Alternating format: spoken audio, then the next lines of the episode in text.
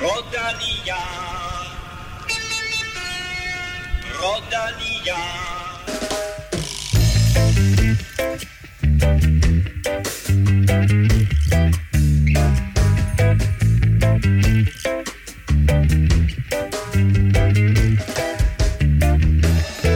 Det er søndag, og årets sidste etape i Giro d'Italia er i fuld gang. Det er paradekørsel, som vi kender det fra Tour de France, og det hele ender med en spurt op af Via del Forte Imperiali i den italienske hovedstad Rom.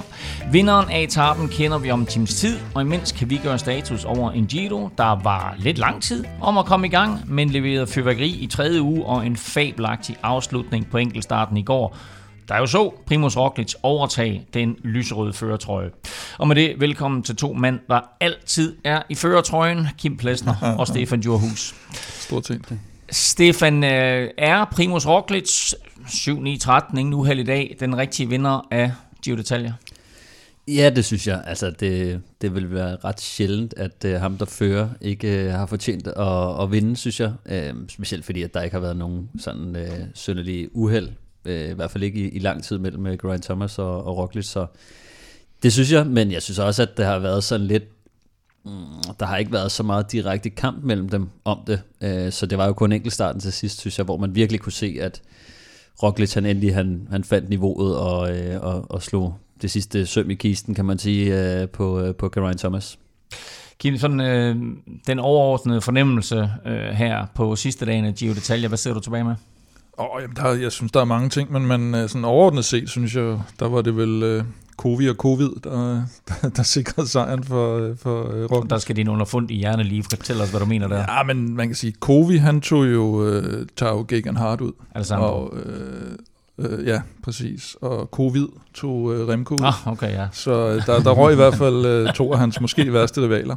Ej, jeg synes, at uh, især Gegan Hart så, så stærk ud, inden, inden han røg ud, og, og med det øh, dobbeltspil, de kunne have kørt måske, øh, Geraint Thomas og ham, så har de nok haft en større chance for at få skovlen under Roglic i hvert fald. Men, og jeg vil sige, nu holdt jeg jo med, med Thomas også, fordi jeg havde sagt, at han ville vinde, øh, og fordi jeg synes, han er en fed person. Men øh, jeg vil sige, måden, som Roglic vandt på i går, det, det gjorde, at så sad jeg faktisk og holdt med ham lige pludselig. Det var, det var, sgu, øh, det var ret imponerende.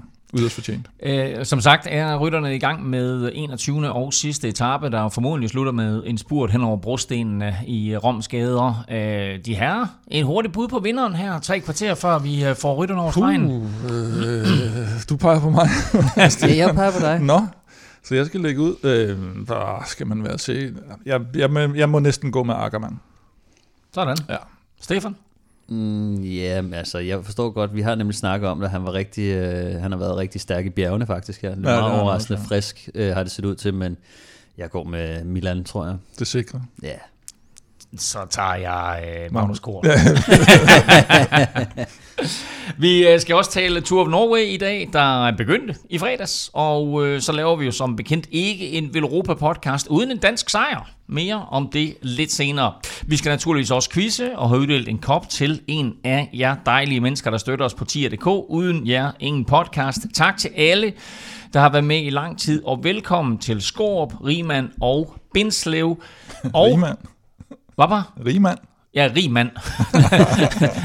men, så er der sgu også masser af penge at støtte med. Præcis, jeg tror, han hedder Riemann. Nå. Men uh, på, på, på Deutsch. Øhm, men med jer tre i folden, der er vi nu faktisk over den her magiske grænse på 800 støtter, som vi lidt efterspurgte og håbede på, at vi kunne komme over. Så Kim, nu har, nu har du fået ja. en opgave. Du, du skal finde en fed præmie. Det er rigtigt, ja.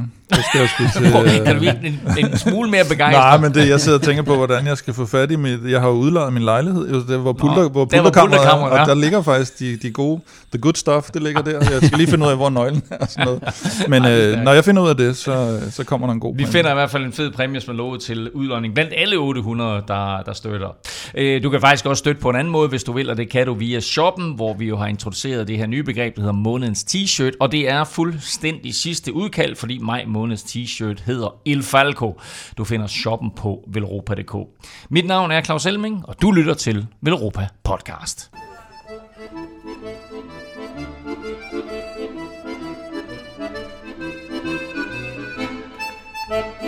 Vi kan lige så godt springe ud i det. Efter et par sådan stille og rolige første uger af Giroen, så kom der for alvor gang i den i u 3. Og afslutningen i går, enkeltstarten i går, var ganske enkelt både nervepirrende, fantastisk at følge med i, og til dels jo overraskende.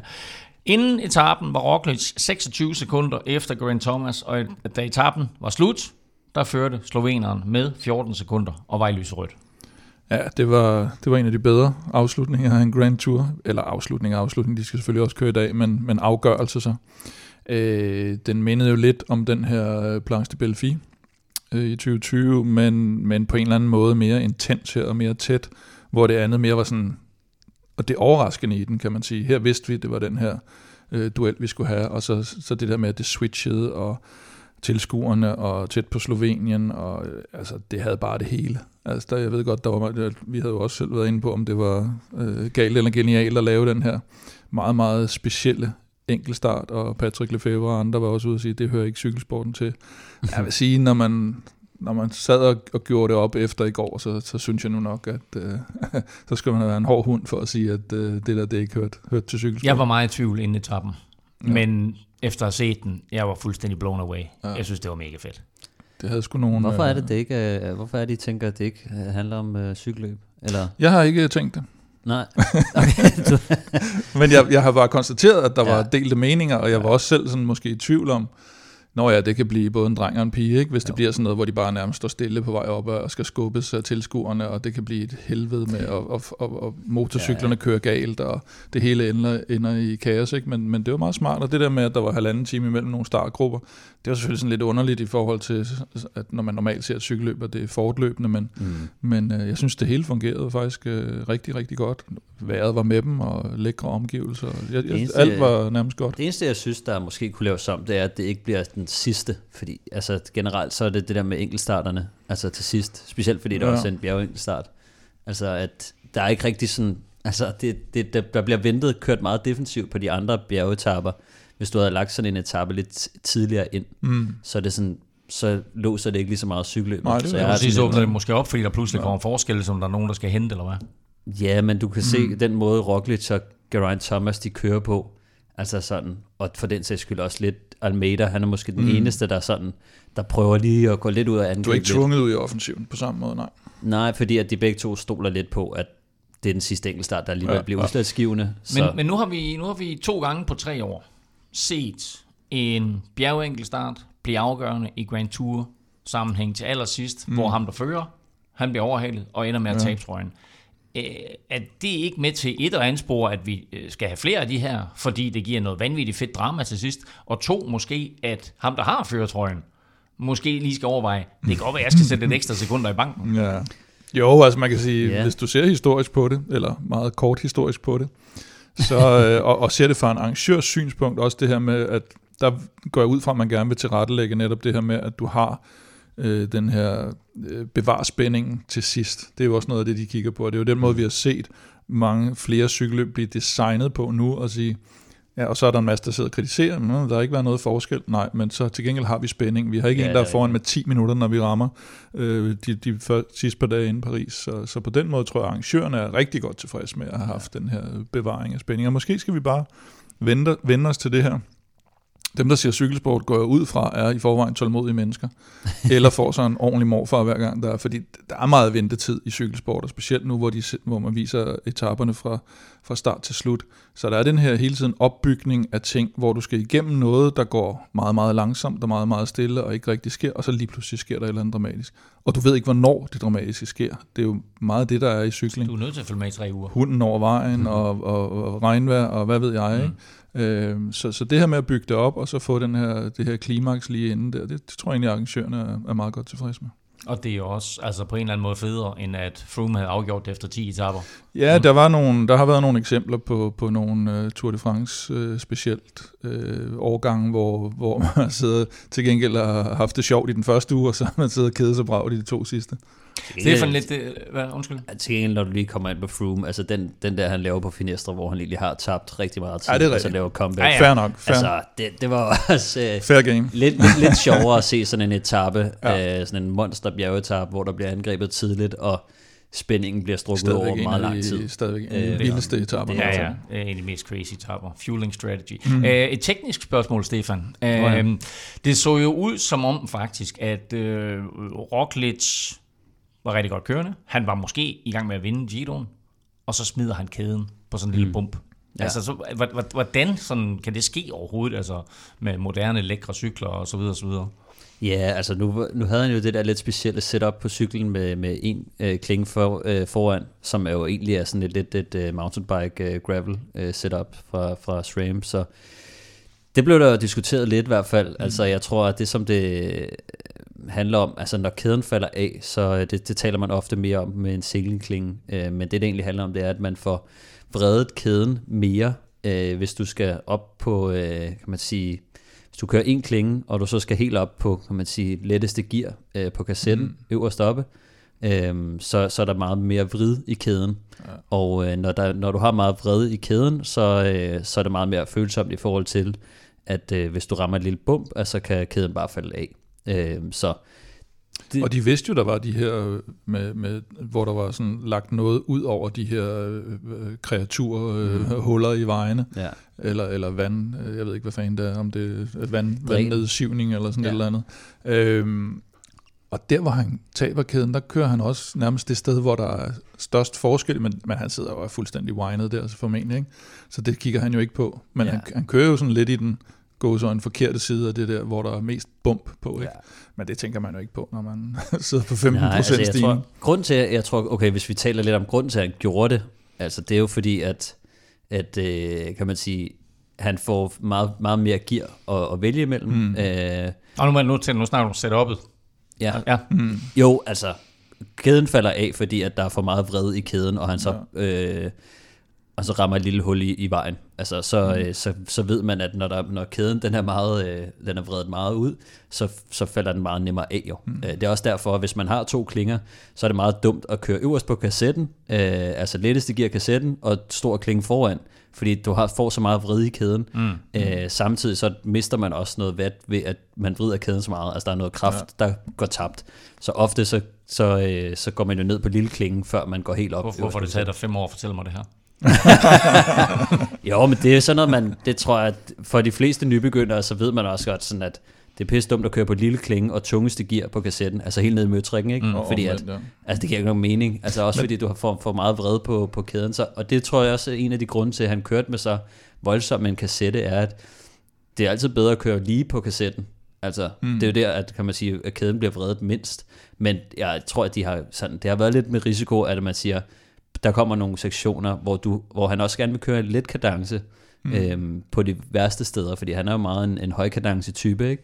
Så, men jeg tror, at de har gjort det lidt med, altså det har været en lille risiko at sige sådan, okay, altså ja. øhm, der, du, du kommer til at have noget vred på kæden der. Ja, han vil gerne, han vil gerne have det her runde tråd, ikke? og ikke det der så meget slokker. Øh, men der var jo også, jeg, vi så også i hvert fald en anden rytter, som kørte med almindelig setup, som også tabte kæden, så selvfølgelig kan det lade sig gøre, men det er Ja, rigtigt, at vridet ja. er, er, jo, er jo helt automatisk større der, end hvis du kører lille klinge og, Ja, man og, kan- stor bagpå. Det, som man kan gøre med single kling, det er, at man kører med det, som der hedder wide narrow, som er at den ene, altså der er forskel på takkerne på, øh, på klingen. Så den ene er wide, og den anden er narrow, så det bliver sådan lidt, øh, de ser lidt forskellige ud, og det giver lidt mere greb i kæden, øhm, men stadig, altså det, mm. det er jo bare fordi, at altså der er større chance for, at øh, før den falder af på, på single kling. Der er noget, man kan, bespare, man kan spare noget på, på vægt, og man kan spare noget på vred i, i, i kæden og sådan, ikke? Så, og man ved jo, at Cervelo-cyklen, den som de kører på, den er mm, ikke den letteste i feltet, øh, og det er ikke fordi, den er dårlig, men den ligger, de kan godt lave nogle tricks, altså jeg tror, den vejer øh, lidt over 7 kilo, øh, og den må jo veje 6,8, så det kan også godt give mening for dem nogle gange, når man kører sådan en bjergingstart, når man skifter cykel, mm. at man så lige ser, okay, vi har, vi har faktisk lidt at give af. Så de har noget, de kan tage af, hvor Præcis. andre cykler ligger nærmest lige på, på Pogacars, minimum. den ligger ja. jo som ofte på 6,8 lige ja. På grænsen, ikke? fordi det er Colnago, og de går stadig meget op i vægt versus øh, aerodynamik, som måske Cervelo er, er lidt mere kendt for. Efter øh, denne lille tekniske gennemgang af jo en af, af, de her dramatiske højdepunkter på etappen, der, øh, der går vi videre. Vi skal naturligvis tale meget mere Giro om lidt, og vi kommer også tilbage til 20. etape. Men først, de her, der skal vi. Quizze. Og det står jo 12-8 til. Det 12 8 farlig, det er til farligste Stefan. føring, har jeg. Kim, du har serveretten øh, igen. Øh, Nå, vi laver en last man standing, og øh, vi har jo en, øh, vi har en regel med, øh, at vi ikke må gå længere tilbage end 1990. Nej, det må, må gerne for mig. Okay, så i dag, der er øh, spørgsmålet super simpelt og højaktuelt. Vi kører en last man standing på, hvor mange nationer har vundet en etape i årets Giro d'Italia. I årets Giro d'Italia. I årets Det kan jeg jo ikke Giro huske. d'Italia. Jeg kan ikke huske, jeg kan ikke huske, jeg kan ikke huske nutid, jo. Godt. Skal vi bare give pointet til Stefan? Ja, det tror jeg. Er spørgsmålet forstået? Ja, det det. Så har jeg kun én ting til jer to, og dig, der sidder og lytter med. Lad nu være med at google. Vi fortsætter vores øh, Giro-snak, og har selvfølgelig lige nogle etapper fra den forgangne uge, vi skal igennem. Så lad os lige tage øh, de tre seneste etapper i kronologisk rækkefølge. 18. etape var øh, den her på øh, 161 km med flere barske stigninger, og både kampen om etapesejren og spillet i øh, klassementet blev super spændende. Og jeg ved det ikke, måske havde Joao med brugt for mange kræfter øh, på, ja, hvad var det, to dage forinden, hvor han ligesom angreb, og mm. første gang så ham i angriberens rolle, fordi her, der viste den unge portugiser for første gang svaghedstegn. Ja, og jeg tror faktisk, eller da jeg så det, så tænkte jeg sådan, åh, og nu skal vi til op i de høje bjerge sådan senere, og så tænkte jeg, det har han tidligere haft lidt problemer med, gad vide, om han måske øh, klapper lidt sammen så nu, eller om han kan, han kan holde den der stil, han har, og, og hvor, hvor det så ud som om, at han vil, vil besætte sådan en ret sikker tredjeplads, ikke? men øh, heldigvis for ham, så var det sådan kun en lille, en lille svipser, kan man sige. Jeg synes, han holdt den meget godt kørende, altså på, på, på niveau resten af tiden. Men en lille, en lille forskrækkelse i hvert fald lige der. Noget at tilføje til, til 18. etape, Stefan? Øh, ja, altså jeg synes egentlig bare, at, øh, at Roglic og, øh, og Geraint Thomas, de, øh, de kører de kører sammen til mål jo, altså jeg, jeg synes, at man kan se, at Roglic han blev bedre i løbet af, af cykelløbet, ikke? og det kan være, at der har ja, været noget med det her. etape, ikke, så blev han jo sat i starten også. Ja, Øh, men, men så til sidst, så han lige pludselig, så han, lige så han den, der igen, ikke? øh, øh, tager teten til sidst. Det var også virkelig overraskende. Ja. Ja, jeg synes også, han, øh, han, er, altså, han får ligesom arbejdet sig ind i cykelløbet, og de der, øh, vi havde jo lidt, lidt afskrevet ham, synes jeg, øh, hvor at, øh, han mistede lidt tid til Almeida og øh, Geraint Thomas lidt tidligere i, i cykelløbet. Mm. Der bliver snakket om, om det her styrt, han er jo også nede to gange øh, tidligt i, i Giroen, øh, og i sidste ende, så tror jeg også bare, at han, han, han kommer tilbage, og så er han 100% øh, på, på den sidste enkeltstart og vinder, men mm jeg synes også, når man lige kigger på, på Roglic, og man tænker sådan, for mig selv har, var det lidt overraskende, at han kom tilbage og viste, at han var den bedste, men så alligevel kigger på, hvad han har lavet i år, ikke? så han, det, han har kørt tre etabeløb, han har vundet alle tre, øh, hvis vi tænker, at han vinder nu. Er Tirreno. Katalonien, er, hvor man også er sådan, at hvorfor er det, at man egentlig tvivler på, på Wow, wow, Roglic? wow, tvivler, Jo, men- tvivler. Skal vi gå tilbage til vores, Nej, vores nej, nej. optagtsetappe, optagtsetappe, hvad vi kalde det, optagtsepisode, ikke? Øh, Kim, altså imponerende, at du siger der i starten, øh, ja. inden løbet, der siger du, du tror, Grant Thomas vinder. Ja. Det var ufatteligt tæt på, det kan stadigvæk nås. Ja. Ja. Øh, Stefan tager den, den sikre og siger Remco, ja. og, og der, der tager jeg et kæmpe sats. og siger Roglic. Jamen, jeg hørte også, eller jeg så, at en, øh, en tidligere, ham der, hvad hedder han, øh, jeg kan faktisk ikke huske, hvad han hedder, men sådan en tidligere ekspertkommentator på Sports nede i Belgien, som lige har stoppet, mm. øh, han sagde også, at han var helt sikker på, at Remco havde vundet, hvis øh, ikke han var udgået. Og det er bare sådan en, en fribillet. altså, det er bare sådan lidt, jeg er også helt sikker på, at øh, hvis jeg havde et eller andet, Men, så... men altså, ja, ja, vi kan komme tilbage til det. Det er selvfølgelig Ja, ja. ærgerligt, at, at, at vi ikke får det der opgør der. Og vi ser, hvad Remco kan i de her høje bjerge, som, øh, som Ja. Giroen trods alt indeholder. Jo, og så, og så vil jeg også nævne uh, Pinot, øh, som jo bliver toer på etappen. Uh, mm. Filippo Sana, han, han vinder i den italienske uh, mesterskab. Han fik også et par flasker, ikke?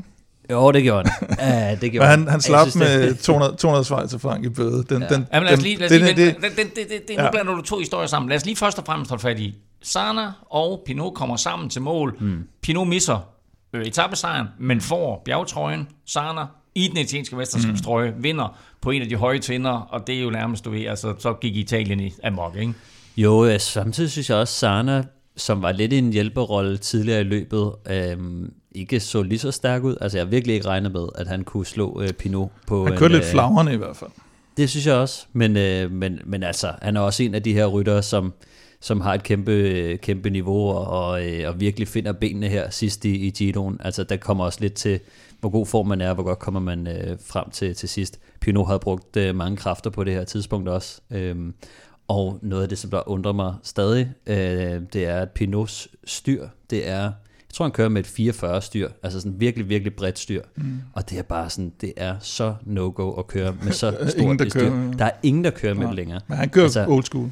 Det er så old school at køre med så bredt et styr, fordi at alt peger på, hvor det er så, altså, det Smallere- er så meget mere Smallere, aerodynamisk. smallere styr, og sådan der, det der, hvor det sådan er bukket lidt ind af. Gælder, Ja, ja, gælder det også på bjergetapper? Det gælder De alle steder, men det er jo klart, at i bjergene betyder det mindre, men uanset hvad, der er aldrig nogensinde, du bare kører et bjerg og så hjem igen. Altså, du skal jo, det, du skal jo gennem en hel etape, og selvfølgelig betyder det noget, øh, når du kører en, en etape på 200 km, om det så slutter opad, eller om det ikke gør. Der er bare, der er bare noget at, at komme efter, ja. og det, jeg synes bare, det er sådan Men noget, det, irriterer mig med fransk cykling, er, de er Ja, så langt kan- tilbage. ja. De er så langt tilbage, og de fatter det bare Nu skal, jeg, aldrig. nu skal altså, jeg fortælle dig en historie. Pinot, han er, han er færdig med sin karriere nu, altså, og han har ikke forstået, altså, hvor, og hvorfor er det ikke, der er nogen, der kommer og sagt til ham, øh, undskyld, Det kan også godt være, der er. monsieur, det er ret meget, du sparer ved. Ja. at køre på et mindre styr. Og du kan se nu, jeg tror måske for, er det måske fem år siden, der synes jeg, man begyndte at se sådan, der var mange, der begyndte at, at, at tage det op. ja, ja. Hollænderne selvfølgelig har været ret tidligt Van på det. Schip, eller hvad det hedder. alt det Van. Skip, han har været, øh, ja, han var en af dem, der, der har virkelig øh, Ja. prøvet at være på forkant med reglerne, ikke? Men, øh, men altså, jeg synes, for, for, for, for 10 år siden, der var det sjældent, at folk de kørte med, med smalle styr, Ja. men fem år siden, er, synes jeg, der har man virkelig begyndt at se mange, der, der, der, der skifter over, ikke? I dag, hvis du ikke kører med et smalt styr, så er man bare, altså, så, så, så er det med vilje, at man ikke gider, altså, Nu skal jeg fortælle efter. dig en historie fra dengang jeg var på Team CSC. sådan. Endelig! Måske har vi... Det er virkelig længe siden. Ja, det er virkelig længe siden. Men måske har vi også hørt den før. Men Der var jo ingen franskmænd. da? Cervelo kommer... Nej, men det er jo det, der er pointen. Det er ikke kun franskmænd. Det er noget at gøre med, hvordan du er indstillet op i hovedet, om du kører old school cykelsport, eller om du kører moderne cykelsport. Mm. Og der er nogen i moderne cykelsport, der stadig kører old school cykelsport. Chipo Pinot er måske en af de sidste. Han godt lide at rende rundt med sine geder op i bjergene, og han gør, hvad, han, hvad der passer ham, og alt det der, og skriver Who are you til Jonathan Waters og sådan noget. Det kan man også synes er fedt. Carlos Sastre, da Cervelo kommer ind med deres øh, soloist, mm. aerodynamiske cykel der til ham i Tour de France, og siger, den her, du sparer et minut per 10 km nærmest, hvis du kører på den der. Siger, jeg skal ikke køre på den cykel der. jeg skal køre på den her over, som Cancellara bruger i klassikeren til brosten, fordi så får jeg ikke så ondt i ryggen, når jeg sidder på cyklen. Jeg siger, jamen, du tager jo helt vanvittigt meget. Jeg skal køre på, jeg skal køre på Han den, kører der ikke er lavet til det her. Og så vinder han turen i, øh, i 2008. Så, og han er fra Spanien. Det er rigtigt. Altså, øh, jeg synes også, at Spanien er måske heller ikke, men det er meget der, hvor der er bjergrigt. Øhm, der er Men de det er jo noget med, bagud. han var jo også han var oppe og diskutere med Ries også, med det der med computer der. Prøv at Ja. høre, Ries, jeg er ikke en computer. Gem ja, det. er rigtigt. Det er Det der SRM og pis der, det kan du godt glemme, fordi jeg kører på Hvis vi kommer tilbage der, til nutiden. Ja, Og Thibaut Pinot, så var der jo en ekspert her i studiet, der i sidste uge afskrev Thibaut Pinots muligheder for at vinde bjergtrøjen. Ikke desto mindre. Og du, du kigger på mig, som om det er dig. Kim, Nej, nej, nej, det er jeg, ikke dig, jeg, det er jeg, Stefan. jeg, jeg kan bare ikke huske det, Stefan, fordi jeg har ingen korttidsudkommelse. Øhm, jeg men, men altså, han kører en fantastisk sidste uge og kommer, kommer til mål her sammen med Sarna. Ja. Bliver desværre kun nummer to. Han ender med fire andenpladser i år. Øh, men han napper bjergtrøjen. Øh, og det er, og ender vel, hvad ender han, fem år samlet, hvis alt holder stik. Ah, fire andenpladser, det er jo Derek G, tror jeg. I, Ja. ja. i Giroen i hvert fald. I Giroen. Pinot Pinot, han han, har har, han, har, han, han tager to andenpladser, men han har fået fem andenpladser i år, tror jeg, i cykelløb, uden at have vundet. Det er sådan der. Og det er, Ja. det, det er sådan en rekord. Landa har lidt det samme, men, men det er så ikke kun på etapper. Det er også på samme. Altså i år, eller hvad? ja, han har også fem andenpladser, men det er både på klassement og uden at have vundet. Altså. Det vil sige, det er. Han ender i top 10, og han ender også på podiet i dag mm, i ja. Rom. Øh, trods alt en fed måde for ham at slutte den her Giro af på. absolut, absolut. Ingen tvivl om det. Og klasserytter, om han er, om han er moderne eller ej, og er en af de klart mest populære rytter i feltet, tror jeg. Altså det, og, og, Populær blandt hvem?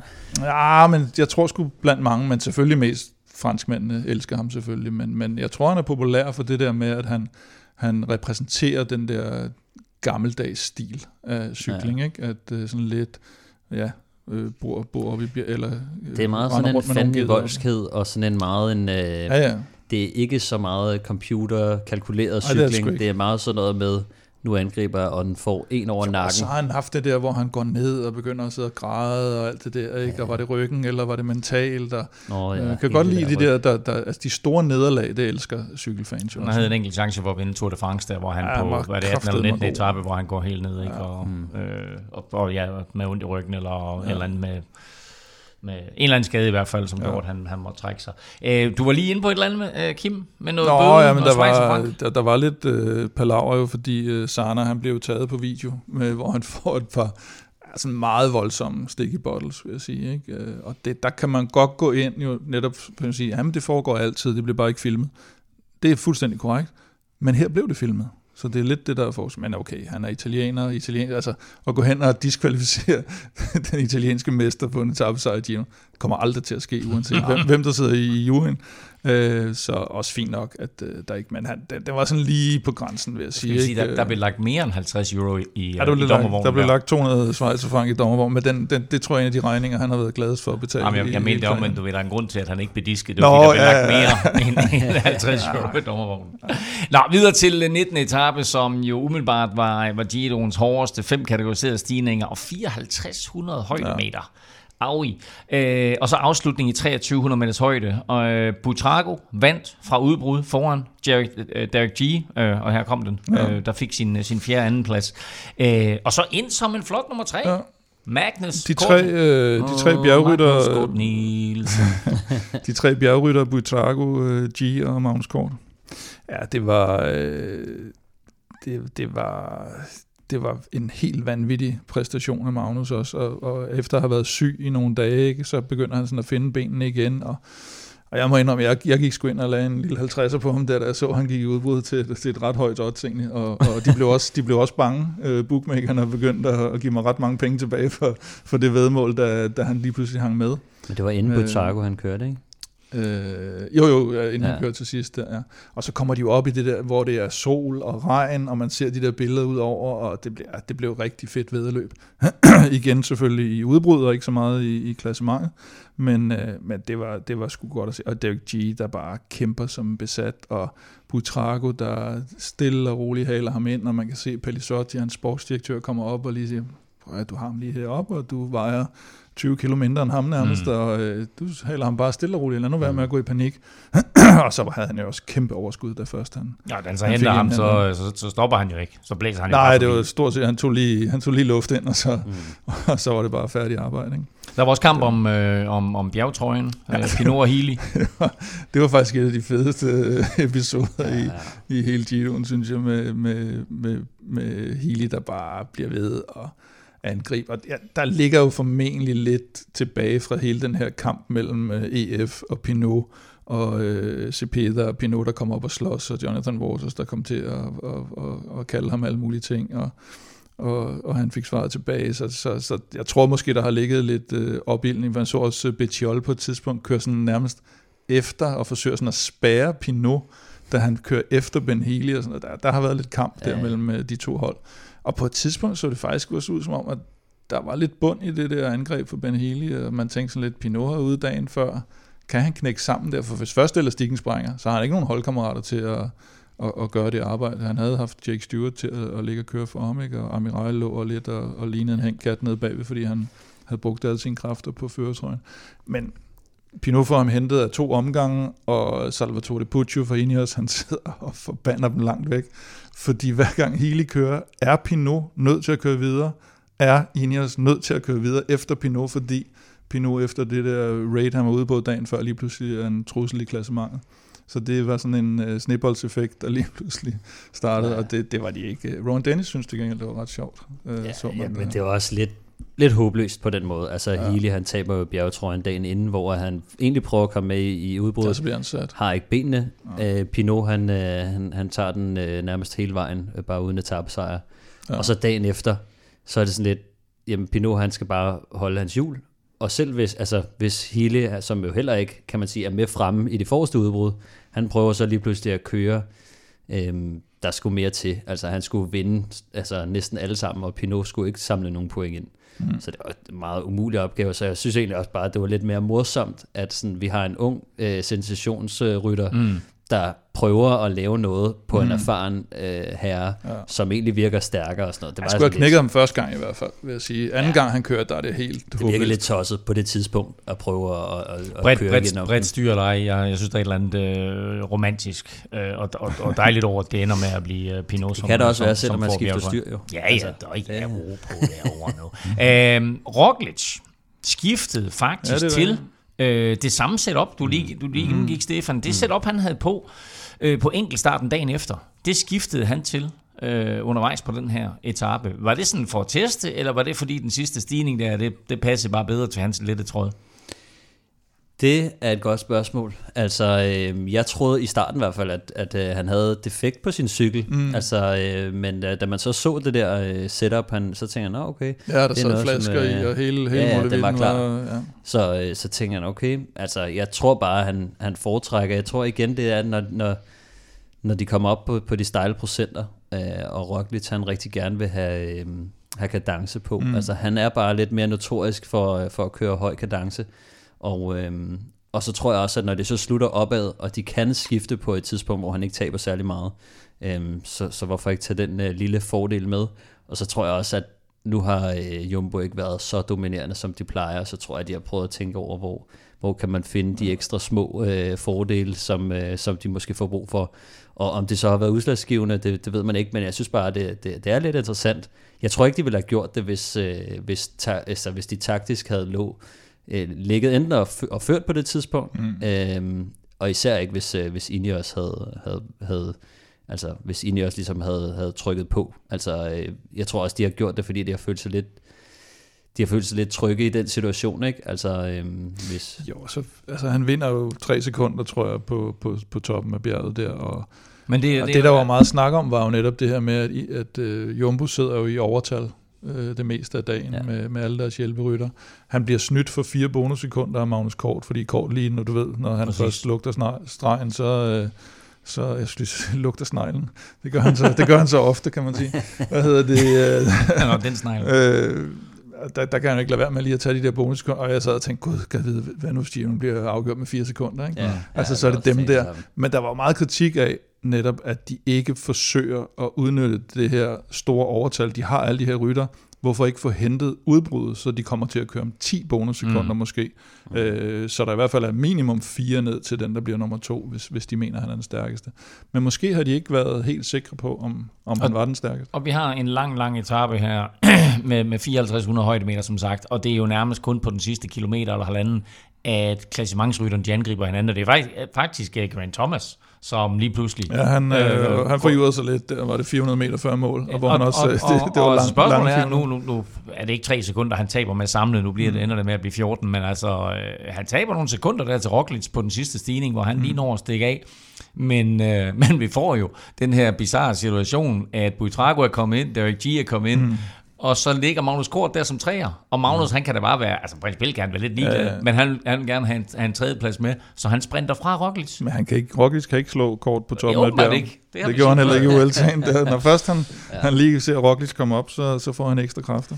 Jeg var også lidt overrasket over det, må jeg sige, men, men, men når man også lige tænker over det, altså sådan, det er trods alt, top 3 på en, ja, ja, øh, på en kongetab. Ja, ja. Altså, så det er jo også sådan, altså, for jeg tænker også sådan, altså, hvorfor vil du overhovedet Sidde derude hele dagen, så vil du godt lige have en placering med hjem, ikke? Præcis, og det der med lige at få en top 3 med, altså, der er jo der er præmiepenge, der er UC-point, der er prestige ja. i, uh, ja, ja. i sådan en kongetab, ikke? Måske så, endda en sang om aftenen.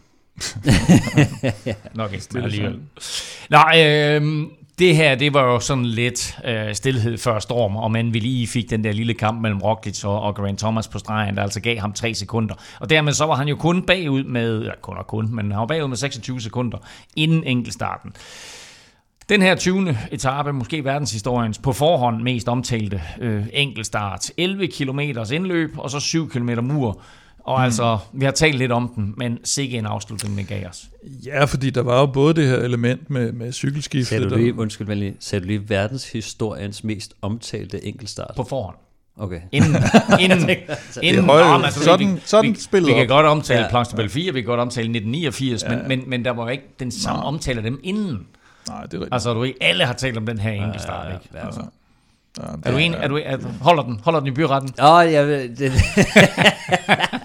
en, en af Jeg synes historiens... bare, det lød lidt vildt, når det er sådan, den kom sådan snigende. Ja, Nej, nej, efterfølgende, der vil Ja, jeg sige, det der er har vi tre øh, nu, som det sådan, vi kan sætte i samme bås. Ja, ja. Øh, Nå, Nej, men jeg synes, det var altså, netop øh, det, vi lige har talt om, det her sekundspil. Altså først har vi det her skiftezone, hejs, hvor øh, Geraint Thomas han så vælger at bruge, øh, var, det, var det omkring syv ekstra sekunder på at, at skifte til en lidt, øh, lidt luftigere hjelm, øh, og, og i det hele taget virkede sådan sløset i forhold til mange af de andre, der skiftede det tænkte cykel. jeg faktisk med mange af dem. Ja, og så, så der, der, der er måske 5-7 sekunder der. Så er Roglic, der tager kæden. Der er nogen, der har målt det til, det var 17 sekunder. Vi har Magnus Korts øh, stjælning af de 4 sekunder inden, og han taber med 14 sekunder. Altså, i hele det der spænd på 14 sekunder, der er mange sådan sekunder frem og tilbage i, i pussy situationer, der, der, der spiller den ene og den anden vej, og det, det, det gjorde også, at det blev det her, ja, hvor man sidder og tænker, eller meget godt symboliseret ved de der jumbo-drenge, der sad og kiggede på, hvor de sådan tænker, åh oh, nej. Og, altså, Ikke igen. og, altså scenerne ude fra bjerget var selvfølgelig fantastiske, både med rytterne, men også med, med tilskuerne. Og så var der de der øh, syv jumbo-drenge, som sad og, og altså det var, det var nærmest en spændingsfilm, de kunne se gennemgik. deres øh, årsbonus smuldre i Og så sendte du faktisk en ret, et ret sjovt tweet. Øh, Åh, åh. Nej. Jamen det der med, at da kæden ryger af for Roglic, der er det jo ikke hvem som helst, der kommer og hjælper ham. Nå, ja, det er rigtigt. Ah, det var, ja, jeg øh, retweetede nu bare en, var det en slovensk avis, men ja, det er en, en, øh, en gammel landsholdskammerat fra, tror jeg, juniortiden på skihop-landsholdet i Slovenien, som simpelthen tilfældigvis står der. Og man kunne godt se, mekanikeren, han kommer jo, øh, han har den der cykel, han har på skulderen, fordi han har siddet bag på en motorcykel, den er nærmest groet fast jo, fordi han har siddet med den i 5 km. Så, så han er sådan lidt, øh, står og bakser lidt med den, og kan ikke få den ned af skulderen, og det vil sige, han er ikke meget værd i forhold til at få skubbet Roglic. Roglic har jo selv, som Stefan også var inde på, været super cool i den der situation, og meget sådan, altså sat kæden ordentligt på, og men så er der lige de der 15 procent, han skal starte på, og alle, der har prøvet at starte på sådan en øh, stigning, de ved godt, man kan, det kan man ikke. Så der, det lovligt? Der, er brug, der er brug for noget. Ja, lovligt. Ja. Ja, du må gerne Altså- altså, skubbes i gang. Er også tilskuer. Ja, det tror jeg. Det tror jeg, når det... er- Eller, ah, jeg ved sgu ikke. Men i forhold til, at det ikke er noget, en jury griber ind for, når det... Altså, der er forskel på, om det er uheld, eller om det er, øh, at der er en, der simpelthen, hvis du er træt, og så løber der en og skubber dig hele vejen Mm. mm. op. Det må du selvfølgelig ikke. De ser jo også anderledes på øh, det her med at lave barrage, eller om du må køre i quotation. Hvis det har været uheld, så lader de normalt folk køre op i cortation. Hvis der ikke har været uheld, og det er nogen, der, der har indflydelse på løbet, så laver de barrage. Så der bliver set med forskel på det, om det er uheld eller ikke uheld. Så, så uanset om det sådan står helt skarpt i UC's regelbog, så vil juryen i hvert fald ikke gå ind og sige, at, øh, at, at det må han ikke, det der. Øh, og så, ja, så er det bare pudsigt, at det lige er lige ham, der kommer løbende ned. Altså, der var jo nærmest ingen tilskuer lige der. Jeg ved ikke, hvor han kommer fra egentlig. Fordi det var sådan et område, hvor, hvor der ikke var nogen tilskuer. Ja. Kommer han sådan fra, nærmest fra ingenting, kommer han bare lige pludselig løbende ned. Hvor er du kommet fra? Og det var øh, altså... Øh, ja, nu, det var nu var han lidt på hjemmebane. Roglic, der, ikke? Det var jo tæt på Slovenien, og altså Ja. det der menneskehav og slovenske flag og Inferno, øh, det må være super fedt ja. for Roglic at køre op i, og, og tilsvarende øh, kaotisk for, for Grant Thomas. Jo, men du så jo alle rytterne. Du så jo, hvad var det, ham Thomas Gloak fra, fra Jumbo, der også jo troede, han nærmest var til seksdagsløb, ikke? i forhold til, hvordan han, han fejrede med, med tilskuerne der. Og, og folk lavede wheelies. Og, altså, øh, og i øvrigt vil jeg sige, hvis man ikke har været i det her friuli-område, som jo er det her øverste øh, nordøstlige hjørne nærmest af Italien, op omkring øh, Udine og over mod den slovenske grænse, det er faktisk et ret fedt område. Mm. Der er ikke så mange turister derovre, men, men stadigvæk super, super fedt område. Du har øh, vandet nede sydpå og, og, og Østrig og Alperne op nordpå. Så det kan anbefales jo. Det så man også i går, det var lækkert. Roglic han øh, kommer tilbage på cyklen, og så kører han jo nærmest på ren adrenalin hele vejen mm. Opad, og, øh, og, og ender med at vinde med 40 sekunder ned til Geraint Thomas, øh, som jo på en eller anden måde øh, går helt koldt. Lidt ærgerligt selvfølgelig for Waliseren, fordi med en samlet sejr her, der kunne han jo principielt have gået efter karriere -hattrick. Han havde en øh, samlet tursejr, nu Mm. kunne han have fået en samlet Giro-sejr, og Vueltaen måske allerede til efteråret kunne også være en mulighed. Ja, jeg vil sige, jeg var det også i dag, der blev spurgt lidt ind til, om, han, om det var hans sidste Grand Tour, og sådan noget, hvor han går klassementet. Øh, han er selvfølgelig, han, er lige, han fyldte 37 i torsdags i øvrigt, og, øh, og øh, hans, øh, hans kontrakt udløber efter den her sæson, så jeg ved, jeg ved sgu heller ikke, hvor meget, hvor meget mere der er i ham. Jeg tror, han vil, han vil virkelig gerne have haft den her Giro, øh, men om han havde stillet op i Vueltaen til, til efteråret. Det tror jeg faktisk måske ikke, han havde gjort. Men, men til gengæld, så, øh, så tror jeg også, det var lidt overraskende for ham, at han faktisk lå til i den her Giro. Altså også som han, øh, han har haft. det var han, overraskende for Ja, ham? han har haft en lortesæson, sagde han også. Ikke? Altså, da, han, da han kom til Giro, havde han slet ikke regnet med, at han kunne, Ja. kunne. Men han er også bare, han er jo bare en mester. Altså de der, de har, vi har set det med Nibali også før, hvor man siger, ah, aldrig afskrive Nibali. Det der med, at du har haft den der, du ved, hvad der skal til. Mm. Du, kan, du er rutineret i alle de der situationer. Det er ikke ligesom en formentlig, og, og super fedt af ham, liggende sund, der jo havde trøjen der, men, men, og Amiral, de bliver nok lidt mere forpustet af at have trøjen. Han altså bruger ressourcer på det, mm. øh, hvor ham, han, han kender gamet. Han ved godt, her skal jeg lige slappe af, der skal jeg lige sige nej til det der, og så, så kører det sådan. Har han trøjen, smider trøjen, får trøjen igen, og så kommer den her enkelt startbånd, så mister Ja, den formodentlig det er- permanent. Men det synes jeg også er, er ret cool, at, at Ineos, de, de gerne vil smide trøjen. Altså også fordi, jeg tror, de tænkte meget over, at de ikke var lige så Ja. stærke. De havde ikke lige så stærkt hold. Så, hold også, ikke? Øhm, ja, og så gengæld, så har de faktisk et rimelig stærkt hold, ikke? Men, men at de, de kommer ind øh, og tænker sådan, det, det, det, det er ikke her, vi skal lægge Nej, vores kræfter. Ikke Øh, ligger jeg handler ikke om at- jagte at udbrud i 200 km og sådan noget. Ja. Det, det gider de Og så, altså, så ser vi også uh, Timon Arnsmann, synes jeg, uh, bare lige for at, at nævne ham, han kommer faktisk uh, meget godt igennem til sidst. Ja. Altså, uh, Men, men, men det er jo noget, jeg tænkte over. Altså, bruger Ineos for mange kræfter på at holde Timon Arnsman og øh, Lawrence de Plus? Bruger de for mange kræfter på at holde dem inde i det samlede klassement? Altså, sådan en som Sepp Kuss. Sepp Kuss. det er Kuss, nu er han blevet fransk. Sepp Kuss. Øh, Sepp. Kuss. øh, Eller bare Sepp. Kuss. Øh, sådan en som ham. Altså, han kunne da sagtens have kørt top 10, hvis det var det, han ville. Måske endda top 5. Men altså, han smider bare noget tid, og så er han hjælperytter for Roglic. Mm. De to andre der, på en eller anden måde, så bruger de en masse kræfter på nogle etapper, hvor der ikke er behov for det. Ja. Kunne det have hjulpet Geraint Thomas på nogle andre etapper, og måske have udbygget den der føring der, som så ikke var stor nok til sidst Det, alligevel? det, puh, det er lidt svært, fordi man kan sige, normalt gør Ineos jo faktisk det der med, at de siger, okay, du har kørt færdig, øh, så, så, så slukker du bare helt, og mm. så lader du dig falde helt ud af, og det har man set med sådan nogen som var Pols også nogle gange, mm. hvor man tænker, okay, øh, og Castro Viejo, og hvem, hvem det ellers har været. Øh, den her gang har de jo haft et mindre hold, øh, de har ikke haft så mange ryttere, de har kunne øh, switche imellem, så de havde Puccio og, og Ben Swift, der ligesom skulle, skulle gøre arbejdet på han lidt mere flad. med mig også Ben Swift. Altså, har han, han tog nogle, været nogle god. dinger, ikke? Mm. Altså, Så, så man så også nogle gange, hvor Lawrence de Plus, han nogle gange kom tilbage igen, fordi han netop holdt sig lidt, så hvis det gik i stå foran, så kunne han komme tilbage og gøre en ekstra indsats.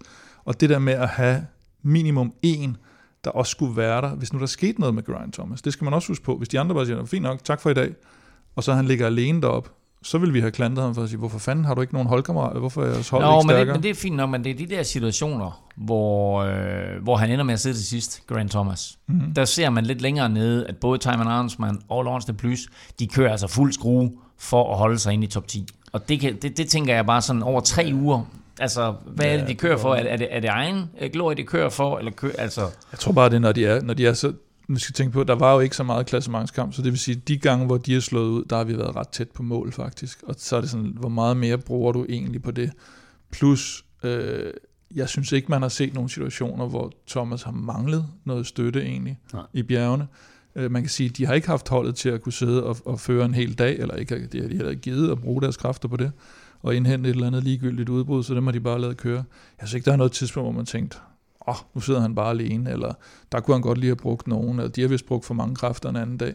Jeg tror bare, det er det der med, at når de alligevel lå til, og de alligevel var så tæt på mål, hvor meget forskel er der så på at, Mm. at stoppe helt? jeg tror også, de steder, hvor, at, hvor at, kan man sige, at de for alvor er rådet væk fra uh, Geraint Thomas, det er der, hvor at den etape, hvor UAE trykker på, hvor at mm. det er Jay Vine, der virkelig Ja. ja. øh, lukker op for gassen, eller der, hvor at, øh, at Sepp Kuss øh, også sådan for alvor lukker op. Ellers så tror jeg egentlig, at Ineos plan også var sådan, at Geraint Thomas var ham, der kom bedst fra start af. Mm. Han lå, øh, altså han lå bedst i klassementet, Mm. og de gav trøjen til, til øh, hvad hedder han? Øh, Amirai. Jamen, ja. Amiral. Og så, øh, og så var det egentlig bare at sige sådan, vi, nu kører vi den bare hjem. Vi har tre mand i top 10. Øhm, så altså, jeg tror, det var sådan lidt... Det eneste, som jeg måske havde håbet på, var, at om de på et tidspunkt ville lege lidt mere med. Altså, at de havde øh, Laurens de Plus eller øh, Timon Arnsmann. Øh, at de havde nogle flere med i klassementet. Altså, mm. at, men, men den ryger vel også lidt, at, at Theo Gegenhardt, han, øh, han ryger ud, ikke? Altså, fordi det var sådan lidt det der one, one two jo, points, Arnsman var ikke, var ikke så stærk i starten, Arnsman faktisk, Nej, som, som man havde håbet på for deres side, tror jeg. Men det blev altså ikke til den her øh, øh, nye øh, Grand Tour samlesejr for, øh, for Geraint Thomas. Det blev det til gengæld jo for, mm. for Primus Roglic. Øh, og, og det er jo lidt vildt at tænke på, at nu vinder han den her Grand Tour Giro d'Italia på en enkelt start. Og han tabte jo principielt Tour de France i mm. 2020 på en enkelt start. Mm. Så der er også noget i den der fortælling der, ikke? Altså på en eller anden måde, det er jo en vanvittig fed fortælling, når, når, når vi engang kigger tilbage på Rocklets karriere, ja, ja, omkring hvad enkelt start, de betød for ham. Jeg kan også huske, at jeg lige skrev til jer, da han smed kæden der i går, der skrev ja. jeg også, Roglic og enkeltstarter. Wow. Nu ja. ender han så med at, at, at, at vinde både enkeltstarten. olympisk mester i enkeltstart, ikke? Han, ja, det er, han er forsvarende. ja, det glemmer man lidt. Han, er, ja, han, det, han har noget med enkeltstarter. Det er sindssygt. Nå. Øh, men Kim, ja. nu har han tre Vueltaer. Han har en Giro. Kommer han nogensinde til at vinde turen? Den tror jeg bliver svær. Nu skal man jo passe på, fordi nu, øh, nu fik du ret med Roglic i den her, men, øh, men han, øh, han fylder 34 til oktober. Han har kontrakt med Jumbo Visma frem til, til og med 2025, hvor han så vil være været 37, inden han er, han er ude af den sæson. Hvem er ellers 37? ja, det er rigtigt. Men han har heller ikke vundet Tour de France som 37 år. Geraint Thomas. Nej, men var det ikke cirka samme tidspunkt som... Øh, ej, det var i... Øh, jo, der har han næsten været 233 også, da han vandt turen. Jo. Geraint Thomas. Ja, det er rigtigt. Så der topper du. Nej, jeg tror, det er altså med, med Vingegaard og Pogacar, måske Remco, der skal ind og, og have noget nu, øh, når han, når han kommer, kommer tilbage igen, så ser det lidt låst ud for en, for en Tour de France. Uh, det ser, der skal, der skal Men hvordan, altså, er vi der, Stefan, at en rytter som Roglic, han har resultater nok, pondus nok, øh, til at han kan gå til ledelsen og så sige, prøv at høre, jeg ved godt, at, der ikke, at jeg måske ikke engang kommer med til Tour de France fremover, så længe han er hos Jumbo, øh, og at hvis jeg gør, så bliver der kørt for Jonas. Jeg vil gerne skifte hold. Det tror jeg gerne kan. Altså, det vil være meget mærkeligt, fordi han har jo kontrakt i næste, altså i år og to år mere med Jumbo.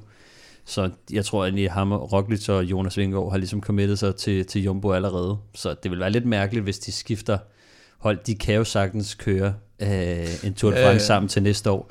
Så jeg tror særligt, hvis nu, at, øh, hvis nu at Jonas han ikke vinder turen i år, øh, så, kan det være, de går tilbage til to kaptajns. Så kan det være, de går tilbage til, til to kaptajns systemet. Så skal jeg måske ændre mit svar om han kan vinde Tour de France? Altså, jeg tror ikke, han kommer til at vinde turen. Altså, det tror jeg heller ikke. Nej, jeg tror, jeg tror at det, det, det Men altså, hey, vi så, vi så, hvad der skete med Giron i år, ikke? Altså, ja, ja, ja, Remco, ja, Remco går ud med styret, der er Gegan Hart går ud med styret, der er andre, som, ja. som, som Det ser svært ud. Det kan man ikke lige regne med. Nej, nej, nej, det er klar. Det er, det er klar over. altså, på alle andre jeg tror, at lige nu, så ser det ud som om, at der er tre rytter i verden, der er de bedste til at klatre. Det er Pogacar, det er Jonas Vingegaard, det er Remco. Øhm, det er usandsynligt, at, ikke, at der ikke kommer i hvert fald en af dem til Tour de France øh, godt kørende og gennemføre. Og der er jo, at Kim han sidder og tænker, hvor er David Gody henne? Ja, ja. Og Henrik Mars. Ja. Um, Ej, det... Et par betragtninger om Grant Thomas. I var lidt inde på nogle af dem i starten. Vanvittig, afslappet, måske lidt for laid back, øh, cykel- og hjelmskifte. Øh, han tager en, del, en gel meget tidligt på, øh, på øh, bakken, bakken, bakken. Bjerget. bjerget der, mm-hmm. stigningen, og er faktisk lige ved at styre eller i hvert fald køre, køre nærmest ud i, i grøften.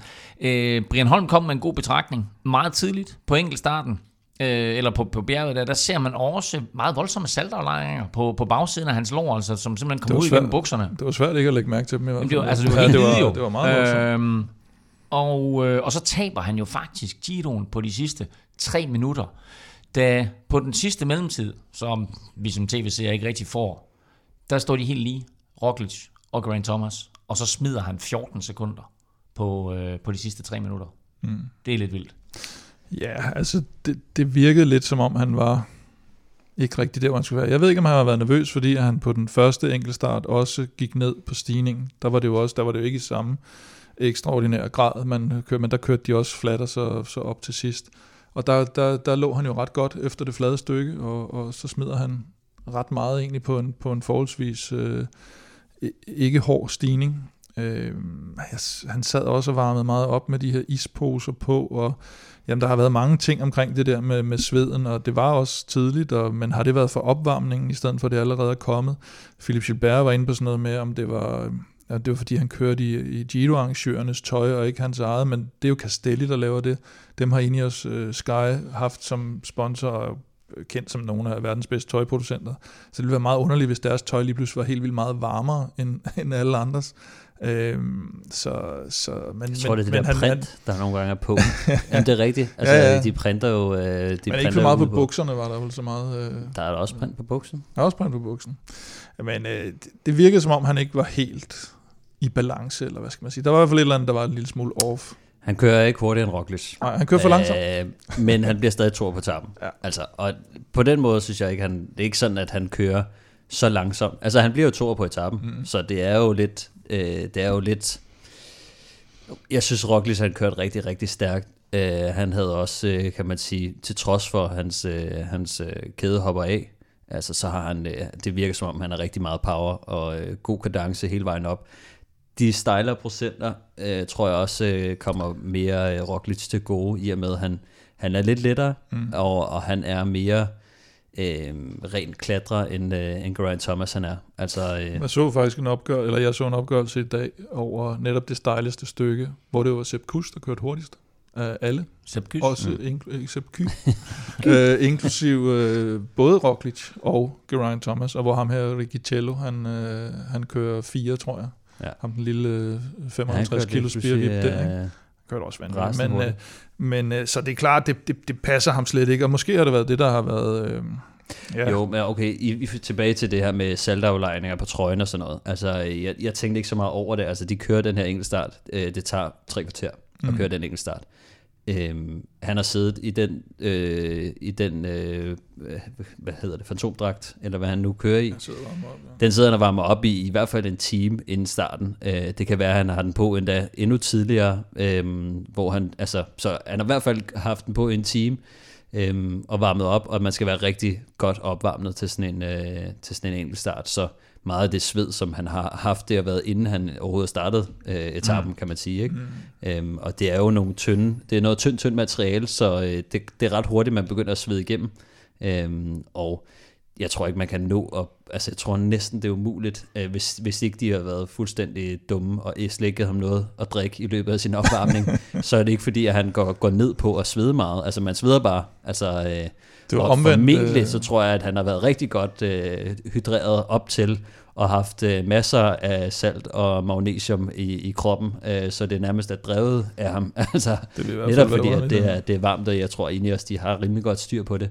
Så jeg tror sådan, det er nok mere noget, hvor man tænker, normalt når man ser en med saltaflejninger, så tænker man, hvis du ikke har fået rigtig meget drik, og du, øh, ja. så, så, øh, så er der stor chance for, at du er rimelig ramt. Øh, Ja.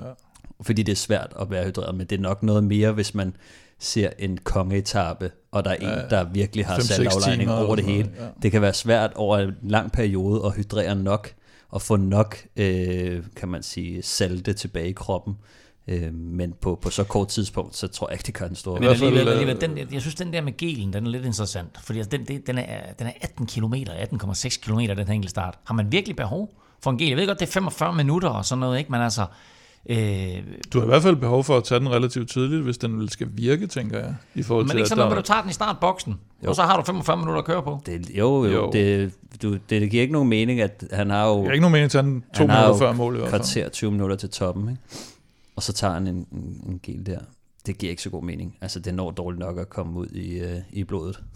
Men, altså, fordi fordi for, for mig, der virker det sådan som en lille bitte smule desperation. Jeg kender det fra mig selv, det gør du sikkert også, Stefan, du ved, man føler, oh, kæft, jeg, jeg har det ikke, du ved, jeg, jeg er helt færdig, man sidder måske i en gruppe, nu er det her godt nok en enkelt start, man sidder helt alene, men du ved, nogle gange så, så er man simpelthen desperat for at kunne følge med, og så skal man have et eller andet, du ved, så spiser man et eller andet, eller tager en gel.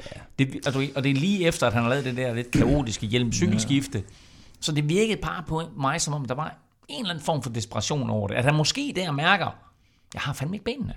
Men Nej, har- jeg tror, han ikke, jeg tror ikke, det er det, det handler om. Jeg tror, Det som, som? Brian han, han sagde, da, da vi lige så, han tog den, øh, der var han jo tæt på at styrte, fordi der lige kom en teknisk sektion, øh, lige da han skulle til at tage den. Så det var måske et dumt tidspunkt, men jeg tror egentlig, at de har tænkt sådan, du får, du får noget med, i, ja. i, og den har du lige inde på brystet, og den tager du øh, i starten af stigningen, ja. øh, og så er vi sikre på, at, øh, at du ikke mister en lille smule, Ja, for ellers, når du han, nærmer dig ellers har han toppen. jo slet ikke med, Øh, ja. hvis, hvis de vil vurdere det. Men man så, altså man så jo nogle lidt mærkelige ting, synes jeg også, fordi jeg lavede også mærke til, at Ben Healy, som jo også kørte sig helt ud på den her, fordi han sikkert tænkte, han kunne sætte en af de bedste tider i, var det anden startgruppe. Mm. Han kører med to drikkedunkholdere uden noget i. Ja. Og man kan sige, fair nok, hvis du faktisk har dunke i, fordi så kan det give noget aerodynamik, altså tomme dunke, ja. så kan det give noget bedre aerodynamik. Men hvis slet ikke du har dunke i heller, og du ikke har brug for noget at drikke, hvorfor har du så dunkholderne siddende? For det kan i hvert fald ikke være nogen fordel. Og- og- han- Hverken han- vægt, De er jo- vægtmæssigt eller- fra start. der var slet ikke noget i på, Nå. nogen, på noget tidspunkt, den cykel, han skifter over til. Ved, øh, og så tænker han, jeg tager lige to dunkholder med op øh, af bjerget, fordi det er fedt. Hvad synes vi øvrigt om det her med, at, øh, at Det der kan var... være, det kan, det, nu siger jeg bare noget, det kan jo være, at, at øh, det er på grund af vægt. Altså, så nogle Nå, gange, at så, den har været under. Nå, okay. Ja, altså jeg ved, ja. nogle gange, så der er nogle cykler, hvor at hvis de vejer for, hvis de vejer for lidt, så bliver du nødt til at sætte nogle lodder på cyklen. Ja. Altså, så, Men så gør man det jo et sted, hvor det ikke øh, ødelægger aerodynamikken. Nu er der ikke så meget Ja, det er aerodynamik op det er ad sådan en rigtigt. bjerg, Det, selvfølgelig. er. Så- det, at være, det undrer mig bare Der er lidt. nogen, der har lodder under sadlen, ja. Ja. hvis det nu er, at man er helt dernede. Ikke? Men, Jo. øh, men ja, det, det, det er lidt fjollet, det har du ret i. Hvad synes vi om det her med, at der simpelthen var en øh, cykelskifte-zone? At det var der, det skulle foregå? Det tror jeg var godt. Øh, og det, det gik jo også rigtig, rigtig godt for de fleste. Der var jo faktisk ikke noget... Altså, Geraint Thomas var jo det, der så mest mærkeligt ud, synes jeg næsten. Øh, de andre, det var sådan lidt, ja, et Jeg sekund fra eller til. jeg var virkelig i chok over at se, hvor, hvor nonchalant, at der var mange, der skiftede. Altså, øh, Okay. Jeg havde- Nå, men altså, der kørte klassement? Dem, der kører klassement, øh, der stille og roligt bremser ned og står af og sådan noget. Og jeg ved godt, det er Ja, sådan, men de de havde har også nok fået, tænkt over det. Altså, de at, fået at øh, vide, at lad være med at gå i panik og Ja, tage det ja, ja. roligt, fordi Ja. det sekund, du øh, mister her, det tager du 100 gange på vej op ad Præcis, bjerget. præcis. Jeg havde nok mere forventet mig sådan en, øh, sådan når man ser cykelcross, og de øh, ikke kører ind for at skifte cykel, at du, sådan, du, Ja, okay. du har klikket ud, og du bare tyrer den over til Ja, din øh, præcis. mand, og så du løber selv, du løber den selv Ja. i gang igen og kører Ja, videre. det er jo en hel disciplin, den de laver der med. Det er jo flot, når de... Øh, Det ser, det Altså, ser det rigtig ser godt ud, men jeg tænker også, at altså, så svært er det jo heller ikke at lave sådan et skifte. Det, det kom jeg meget, men jeg havde også, vi snakkede jo faktisk også om det inden det der med at skifte hjelm, at jeg havde egentlig tænkt, at specielt hvis det var varmt, at der var mange, der ville skifte, øh, skifte hjelm. Der var så ikke så mange, Mm. der, der gjorde det, men, øh, men, men Ineos havde det dog øh, set på, at, øh, ja. at det kunne måske være meget smart. Også fordi, at du skal alligevel næsten stoppe. Altså, Ja. hvis man skal skifte hjelm, så skal man øh, stå helt stille jo. Det er reglen. ja, præcis. Så, øh, så det er måske også lidt, lidt af det, at de har tænkt, vi, vi skifter hjelm, og det kommer til at give dig 5 sekunder. Men man kunne måske godt sætte hjelmen på bare, og så ikke stå og, sådan og tænke på, om den lige skulle spændes. Og sådan. Altså, det kunne man vel gøre, når man kører, tænker jeg, ikke? Ja, det ville jeg også gøre. Så- Jeg ville jeg nok også have tænkt, at inden for den her skiftezone, eller når jeg kører ud af skiftezonen, så skal det være så ordentligt. ordner jeg lige med computer ja. og hjelm og sådan noget. Ja, jeg synes, det, Det var lidt mærkeligt. Men okay, altså det, det endte heller ikke med at blive afgørende. Altså øh, det, det var en, øh, en super hård etape alligevel. Øhm, man, man får måske også lidt pusten, når man står stille og roligt, og det var han svedt så meget. han lige skal tage, lige- tage sig mod til. Tag lige roligt Hvis vi, øh, hvis vi siger, at det der øh, lidt øh, laid back øh, cykelhjelmskifte øh, kostede 7 sekunder, og der var 17 sekunder for Roglic at hente, hvis han ikke havde smidt kæden, så er der altså 10 sekunder ekstra, at han slår øh, Geraint Thomas med opad. Mm. Så altså 50 sekunder slår han Geraint Thomas med, så der var simpelthen en klasseforskel på de Ja, to. er I det hele taget så var der klasseforskel på Roglic og så, øh, og så alle de Ja, andre ja, øh, på dagen der, så helt fortjent. Øh, at han vinder øh, Giro d'Italia på den her fuldstændig fabelagtige, vanvittige og super fede og intense afgørelse, som vi altså fik i Giro d'Italia. Når det så er sagt, så resterer der stadigvæk en 30, 25-30 km af dagens etape, og den vender vi tilbage til lige om lidt. Som vi var inde på øh, lidt tidligere i udsendelsen her, og også øh, faktisk i forrige udsendelse, så skulle vi jo vente 15 etaper, før der sådan for alvor blev angrebet øh, blandt favoritterne. Og det er efterhånden ved at være mere reglen end undtagelsen, når det kommer til Giroen.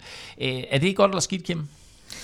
Jeg synes, i år havde de jo lavet den her ret vilde tredje uge, som vi også var inde på. Sidste år fik jeg jo kaldt den human, den tredje uge. Men det var jo set op imod, hvad Gino normalt laver. Vi så også den her statistik øh, tidligere på ugen, med, med hvor hård tredje uge faktisk er i Ginoen, når man sammenligner med Tour de France og, og, og Vuelta, ud fra de her point, eller scores, som, som, øh, som de her etaper nogle gange får. Og den er traditionelt vild, og det var den også i år. Og det har jo nok fået nogen til at holde igen i, i, i de her første uger, også på grund af vejret og så videre. Og så blev den sådan lidt, lidt hockeystavsagtig, ikke? at det flat hele vejen, og så lige pludselig til sidst, så får vi, så får vi al spændingen og det hele. Og så er der jo, ja, øh, regnvejr, covid, sygdom, Øh, Remco Tauge Hart har vi også været inde på, der, der går ud. Det, det er lidt ærgerligt. Så jeg synes, at, at det her gode vedløb, der blev kørt, blev meget i udbrudene. Der synes jeg til gengæld også, at vi fik mm. rigtig godt, godt vedløb. Spændende afslutninger. Bliver de hentet, bliver de ikke hentet?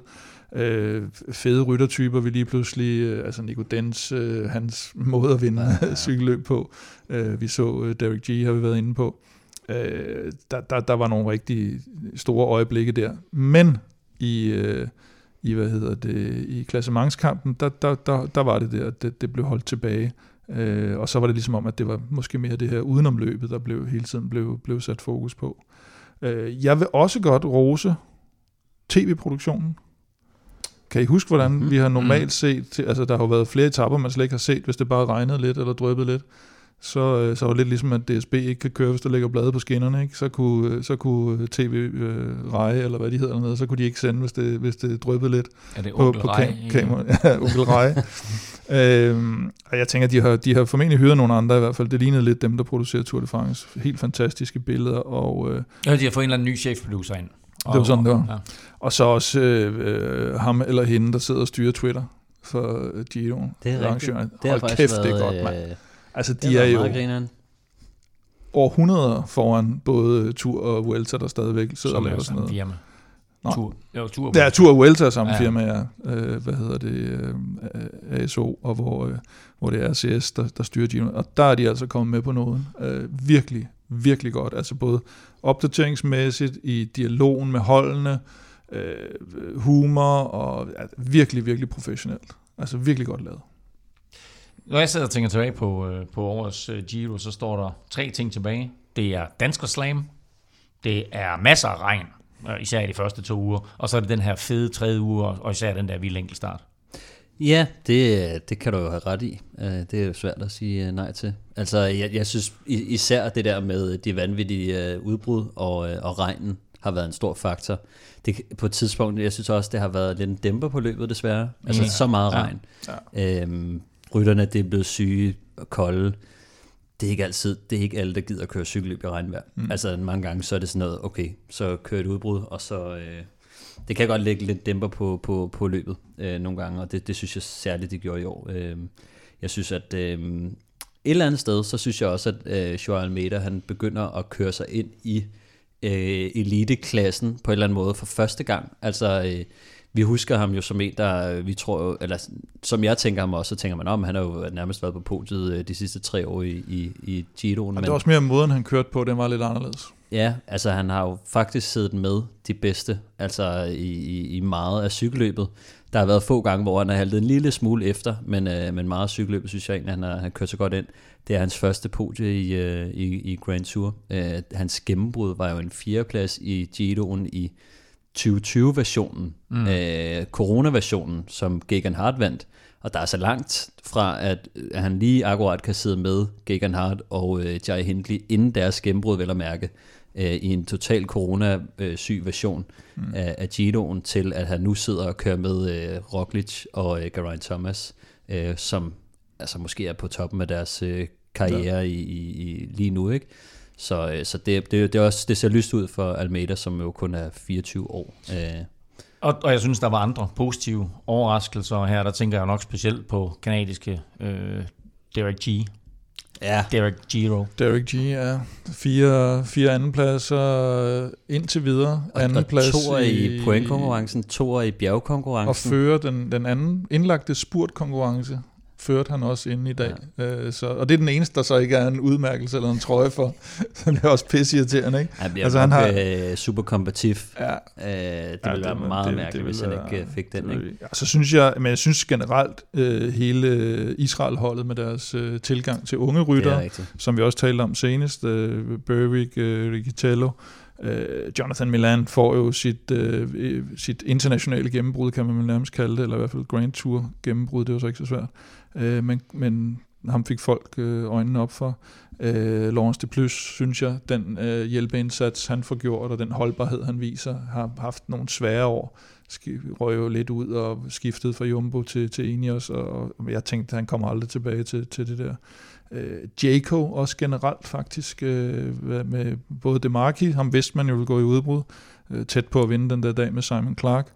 Øh, Sana har vi talt om, den italienske mestertrøje, Eddie Dunbar, Michael Hepburn, der er jo kørt helt vildt på den der bjergetappe også, som øh, Buitrago, og, og, og lader sig først falde tilbage til sidst, fordi Dunbar netop kommer i problemer. Mm. Men han ligner jo lige pludselig en bjergrytter, øh, og, og er enkeltstartsrytter.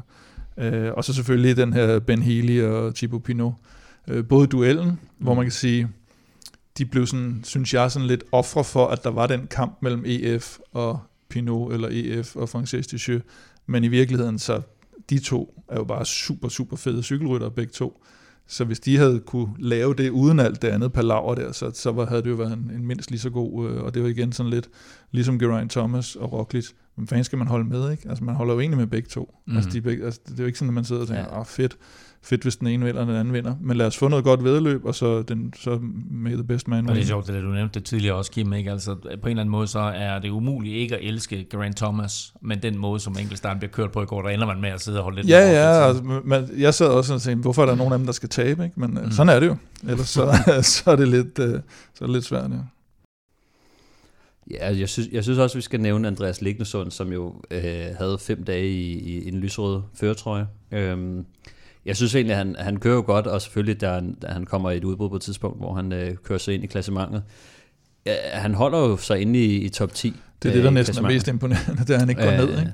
Ja, altså ja. Øh, jo selvfølgelig mister han trøjen og, og drysser lidt ned igennem klassementet, men jeg synes egentlig, at han kører rigtig flot også den sidste tredje uge her. Øh, der, det er en flot enkeltstart også. Der tror jeg, at han ville gå fuldstændig ned. Mm. Øh, men der holder han altså kadencen oppe, og den her unge nordmand, øh, han, øh, han kan altså godt køre, øh, køre i bjerge. Øh, han er jo altså, han er måske stadig lidt for stor, altså øh, i forhold til at køre Grand Tours. Øh, jeg troede faktisk, at han skulle køre klassement fra starten af, men det, da vi så øh, hørte, så var det faktisk ikke helt meningen, øh, at han skulle køre klassement. Men, øh, men altså en top 10 i Giroen, 24-årig ung, øh, ung nordmand øh, med, med enkeltstartsevner, det, det bliver spændende at følge ham, og øh, hvis, hvis øh, rygterne er sande, så er han jo til, på vej til, til Uno X øh, til næste år. Jamen, det var da også på tiden, når de fik en rytter med noget talent. ja, og så synes jeg også, uh, Eddie Dunbar, synes jeg faktisk er den store, uh, den helt store overraskelse i klassementssammenhæng, uh, til trods for, at han faktisk falder lidt igennem uh, til sidst, uh, og, uh, og jo ender som syv i klassementet. Uh, mm.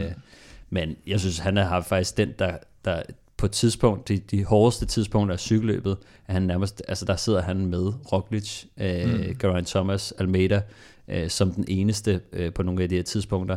Han mister selvfølgelig lidt tid på, på starten, men, men jeg synes egentlig, at han for alvor kører sig ind i den der øh, kategori, hvor man tænker, måske ikke i Tour de France, men i noget Vuelta, mm. noget Giro, der, har han, der kan han være en podiekandidat. Øhm, og det, men han er vel også en af de der ryttere der, som vi jo lidt har talt om, omkring også med Remco, at der kommer bare et punkt, sådan rent højdemæssigt, at der får han problemer. For det var ligesom ja, om, at da bjergene de blev høje i u 3, ja.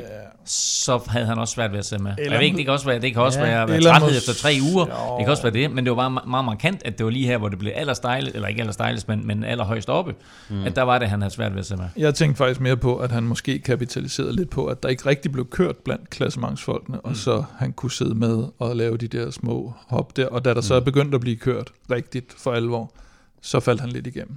Så så man, at niveauet var ikke helt dertil, hvor man kan se sådan en som Caruso, han bliver så ved med at sidde deroppe, ikke? Ja. Øh, og, og har selvfølgelig også noget mere rutine. Men, men klart et, et, et gennembrud også for ham, helt sikkert, fordi da han var på Ineos, der var han jo ikke nærmest i nærheden af at køre. Nej, der var det Tour of Yorkshire og sådan ja, noget, ja. Han, han kørte rundt med. Han er jo, altså nu har han øh, vokset op på, øh, på, øh, på Ineos-holdet næsten. Altså nu har han været, hvad han, hvad han lidt over fire år. Jeg tror, han havde lidt stagiaire også, men, men mm. ellers fire år øh, øh, på Ineos hvor han jo selvfølgelig viser, øh, viser sig lidt frem, men slet ikke i nærheden af, øh, kan man sige, hierarkisk at, at kunne gå ind og køre en, øh, en Grand Tour. Mm. Så han er jo skiftet fra, øh, fra Ineos til, øh, til Jayco, hvor de så havde lovet ham, at de gerne ville satse på ham. De har jo heller ikke lige så mange klassementsrytter, kan man sige, så, øh, så det synes jeg er, at, at, er rigtig spændende øh, for ham. Altså at øh, jeg synes egentlig, altså han var egentlig min min, nok den fire bedste rytter i, i cykelløbet. Altså, øh, mm. hvis vi lige tager Rem,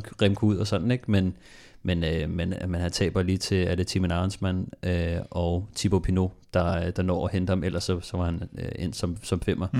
Så han taber lige to placeringer på den, på den sidste bjergenstart. Øh, ærgerligt for ham, fordi jeg synes egentlig, at han var den, der havde siddet bedst med i bjergene, og den, der havde også taget noget tid, hister her. Altså hvis vi husker ham sådan, inden vi rigtig startede på, på Giroen, altså de første, den første uge, øh, der, der kunne han lige stikke afsted og, øh, og tage lige 10-15 sekunder mm. på, på nogle af de andre. Ikke? Øh, og det siger også lidt om, hvor, hvor lidt de egentlig har set på ham som en trussel. Øh, jeg tror, efter i år, så, øh, så tror jeg, og han skal også køre Vueltaen, så, så det bliver spændende at se, øh, om han kan fortsætte den her kurve. Det bliver også spændende at følge med i øh, amerikansk cykling, fordi øh, jeg synes, at vi mhm. så rigtig, rigtig mange dygtige amerikanere i, i den her Giro. Øh, vi taler meget om, at Danmark lige nu har en gylden generation, men jeg skal love for, at der er mange amerikanske cykeltalenter lige nu også. Joe Dombrowski, og du kunne blive Bare en. Nej, det er rigtigt. McNulty og, og, og Kus og Ricciello, de, bliver, de kører tre mand i top 11 her på, på bjergvinkelstarten, så, så det kan de virkelig godt lide at køre. Øh, bedste mand bliver selvfølgelig nummer 6, så, så det er ikke fordi, de sådan dominerede. Der var på et tidspunkt, hvor de nærmest lå, lå 1, 2 og 3, tror jeg, i den, i den samlede stilling. Men øh, de er også faktisk gået her fra 15. til 12. pladsen på øh, UCI's øh, nationsrangliste. Der er et andet hold, der så også er gået tre pladser op, det er Danmark. Hmm. Vi er hoppet op på tredjepladsen, så vi kun er overgået af Belgien Hold og Frankrig faktisk. Og det er, hvor man tager øh, de bedste otte ryttere rent UCI-pointmæssigt mm. fra, fra de enkelte nationer og så lægge sammen. Så det er en relativt stor bredde, man skal have for at komme op på, på, på toppen af den liste. Så. Og det bringer mig jo helt fantastisk videre, Kim, til det næste spørgsmål, nemlig de to danske sejre, vi får i den her Giro. Ja. Mads P. og Magnus Kort, og begge to får deres Grand Tour Grand Slam.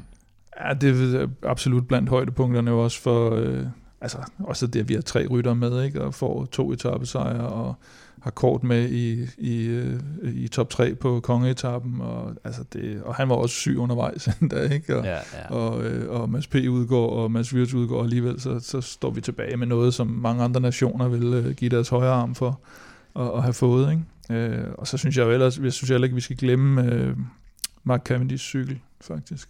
Det er også et af, højde, det er også et af højdepunkterne i, ja, i Ginoen for mig. Det var et vanvittigt styrt. Ja, og, og, og imponerende. Hvordan var det, han cyklede på fire, og han blev selv seks, eller hvordan var det? ja, lige præcis. Øh, hvis vi skal kigge lige sådan hurtigt øh, på de negative oplevelser omkring årets øh, Giro, hvad har det så været? Ja, vi har været lidt inde på det. Covid selvfølgelig, det, det lignede noget farseagtigt lige i starten. Ikke? Altså, Jumbo blev så allerede ramt af det inden, og, øh, og, og specielt Quickstep blev ramt af det øh, i løbet. Øh, og den der helikoptertur øh, fik, jo, fik jo lidt skylden for, for noget, men det, det, der tænkte jeg også, åh oh, nej, altså, der kan vide, hvor mange der nåede til Rom. Øh, og vejret selvfølgelig, men mest af alt synes jeg, at den her udeblevende duel mellem Remco og Roglic, for det var den, man havde set frem til. Det var det, hele den her Giro handlede om. Det var duellen mellem de to, hvor man kan sige, Roglic lidt er, er den, den ældre, øh, erfarne, og så den unge, der kom her og skulle udfordre ham, og hvor man havde en forventning om, efter man også har set et af forårets løb blandt andet, at de lå utroligt tæt, og det kunne blive en rigtig, rigtig spændende duel. Vi fik så en anden duel, og det var super fint, men, men den der udeblevende duel mellem dem, det synes jeg var sådan den, den største negative og overraskelse, til sige skuffelse. Ja, altså det, den rigtige duel, den er vel også øh, Pogacar mod Remco, ikke?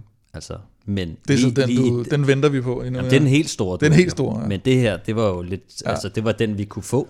Det var forretten. Altså, ja. Det var forretten, ja. ikke? Altså, Roglic er jo, har jo måske været den, ja, ja. den, den største stjerne, øh, hvis man kigger som klassement i, Han i Grand Tour sammenhæng de sidste fem år, så mm. er, det, er det nok Roglic, der... Ja, hvad siger du? Kom så, Kim. Et, etabeløb. Ja. UCI etabeløb. Han har kørt 17. Han har vundet de 12 af dem. Ja i ja. hele sin karriere. Det er helt Og dem, han ikke har vundet, har han Altså han er blevet nummer to, altså, af. Eller, altså, eller, eller blevet to og tre. Eller, eller. Nej, han bliver sjældent to og tre, ja. Ja, men, øh, men, men jo, altså det, det, det er helt klart. Altså jeg tror også, hvis man kigger på, hvor mange der er udgået, altså de startede ja. jo, hvad, 176, tror jeg. Mm.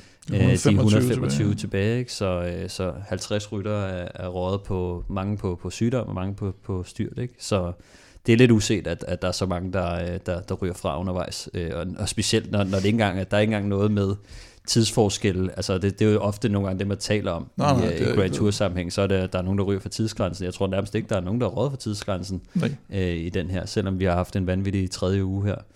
Men, øhm, men jo, jeg synes, hvis, jeg havde faktisk tænkt også lidt på nogle navne i forhold til, mm. hvem havde været de negative og overraskelser. Jeg synes, Movistar gør det øh, ikke overraskende dårligt. Øh, og Gavidia især, Fernando Gavidia. Skal du passe på med Gavidia? Han er ikke kørt færdig. Han er ikke kørt færdig. Det kan være, at uh, lige om lidt, at uh, han alligevel har, har reddet den, men uh, ja. jeg synes, at uh, jeg tror, hvad bliver han nummer 5, 6 og 7 eller sådan noget. Det er det, han ja, har tre gange i top 10. Uh, han er deres top sprinter. Det så ud som om, at han var godt kørende op til, til Giroen. Det er rigtigt, ja. Han har opbakning fra, fra sit hold, og alligevel så bliver det ikke rigtigt til noget. Um, og så bliver de, uh, hvad bliver de? De fire sidste i det der store udbrud, Præcis. der kommer afsted. Altså, ja, det er jeg synes man mange gange, man, der, det har lavet noget lidt, lidt hovedrystende. Um, jeg hører også lidt rygter om, at det måske ikke går så godt for, for Movistar som hold, men, mm. men, um, men det, er ikke, det er ikke helt, uh, helt. Det er vel rygter, der ikke eksisterer i en 4-5 år, det? jo, jo, det er det. Altså, men, men også, øh, også, også økonomisk faktisk. Um, ja. Så synes jeg, to øh, klassementsnavn, som jeg er meget skuffet over, Hugh Cardi og øh, Jack Hague. Mm. Det er begge to nogen, som, de er begge to faktisk blevet nummer tre i Vueltaen øh, for, for et par år siden, og var nogen, som man tænkte, dem er der måske nogle krummer i, øh, særligt øh, Jack Hague, som er mm. måske lidt mere en helt støbt øh, klassementsrytter. Jeg synes virkelig, at, øh, at dem har man ikke set øh, meget fra i, i år også. Altså mm. Jack Hague især er jo sådan en, han har været i udbrud en gang øh, i hele Giroen. Han har aldrig rigtig været tæt på Øh, altså, Nej. han har ikke været sådan en, hvor du ikke må køre i udbrud. Øh, så har måske siddet lidt ved, ved, ved Caruso øh, sammen med Buitrago. Jeg synes ja. egentlig, Bahrain, selvom de vinder øh, holdkonkurrencen, så, øh, så har jeg undret mig meget over, hvad øh, laver Buitrago og Jack Hague egentlig i det her års øh, Giro. Fordi at Caruso gør det jo fint, men han behøver ikke at få så meget støtte. Nej, altså han skal bare hænge med de andre. Øh, så, så, så for deres øh, taktik har jeg undret mig lidt over, fordi jeg tror, at de har de kunne godt have gjort lidt mere med, med deres kræfter. Ja, Hugh Carty var også kæmpe skuffet. Jeg troede faktisk, han kunne udfordre Almeida om podiepladsen. Det kunne han ikke. Og så har jeg faktisk lige en, en negativ kommentar også, som faktisk relaterer lidt til det, du sagde tidligere, Kim, med tv-produktionen, fordi min negative kommentar her starter egentlig positivt, for der er ikke nogen tvivl om, at den her tv-produktion, vi har set fra Giro i år, mm. måske er den allerbedste nogensinde. Men så gik det alligevel galt på 20. etape, fordi vi blev snydt for dramaet, fordi hverken kameraføring eller tidsangivelser var særlig imponerende.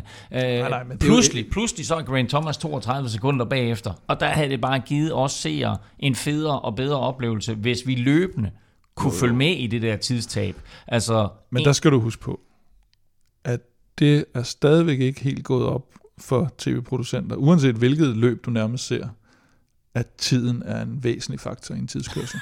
Jamen det er det bare ikke. Altså på et tidspunkt, da vi ser, jeg tror det er anden startgruppe, der er slet ikke nogen tider. Altså der er ingen tider. Du, du, de er på vej op ad bjerget, nogle af de der Ben Healy. Det kan godt være, at de har fået en ny chefproducer. Du har nærmest men så har jeg ikke, godt råd til dig. Og det er, ur, urproducer.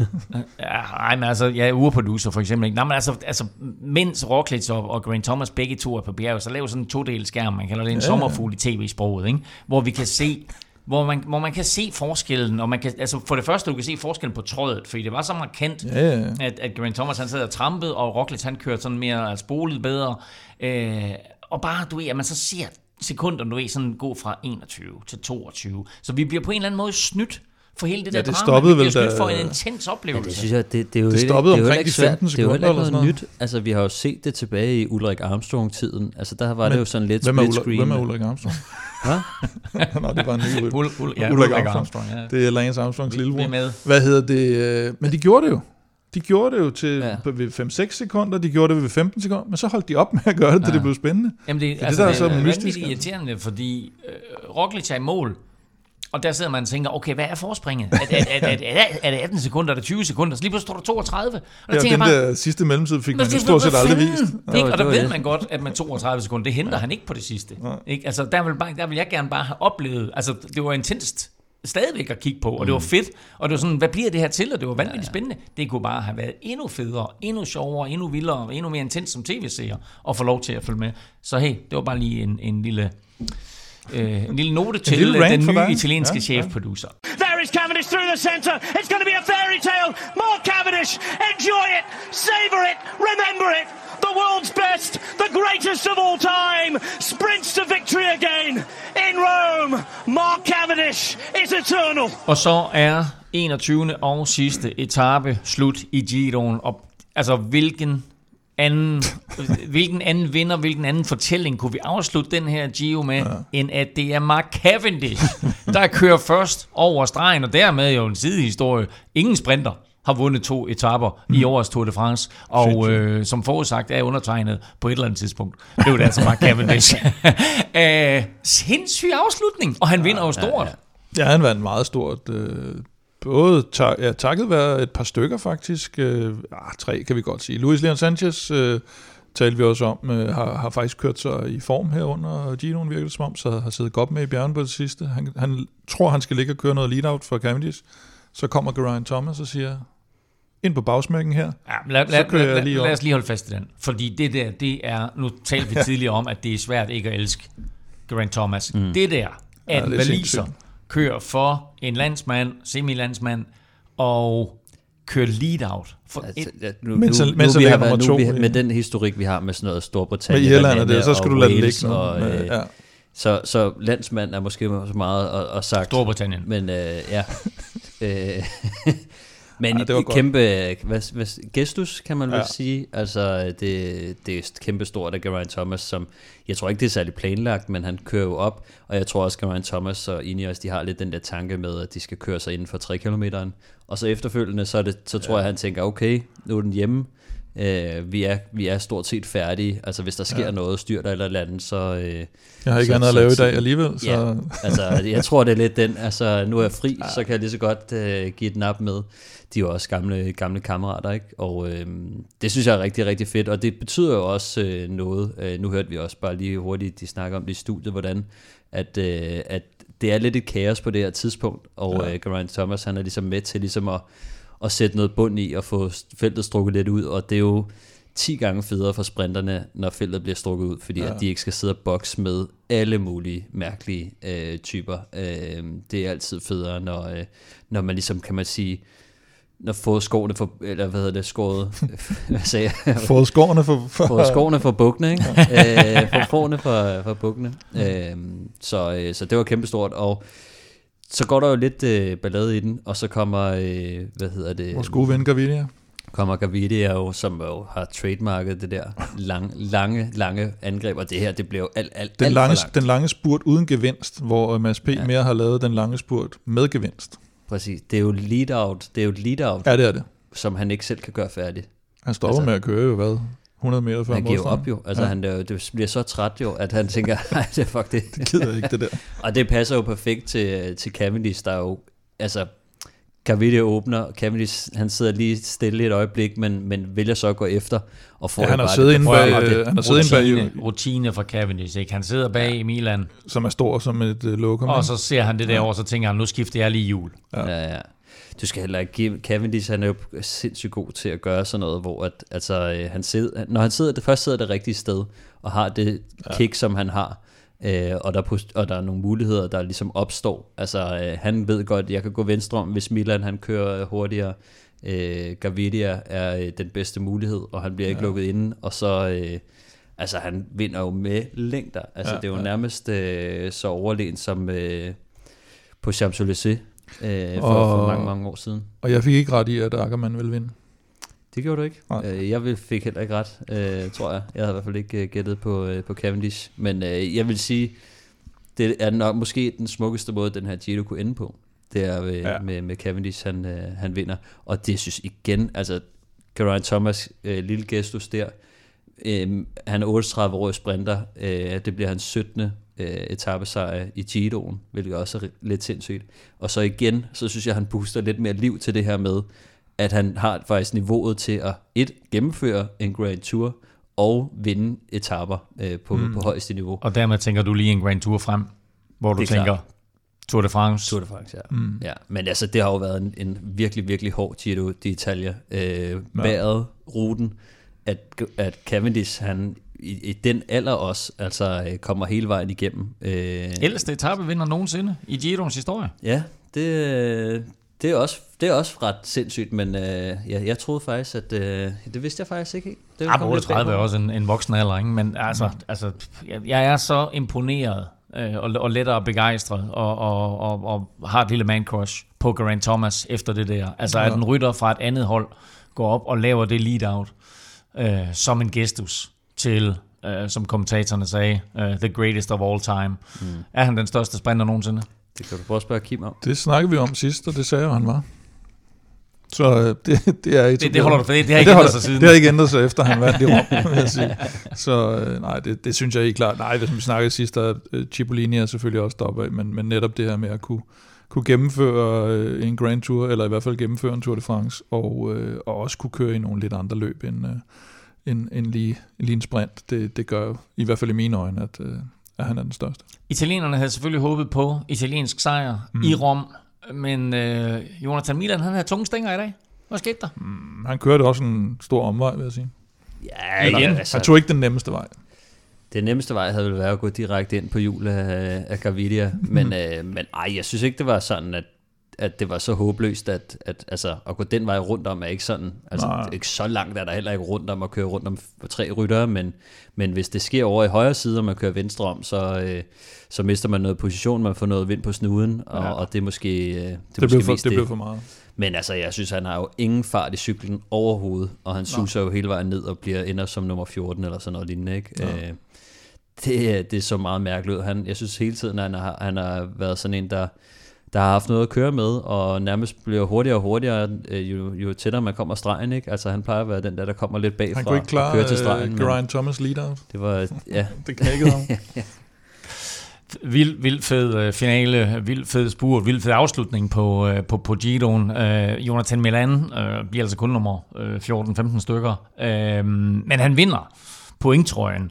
Øh, og det gør han sådan lidt sjov måde, fordi sådan på rigtig italiensk manér, så ændrede arrangørerne faktisk reglerne i går til enkeltstarten, så tidsgrænsen lige pludselig var 50%, og ikke kun de oprindelige 30%.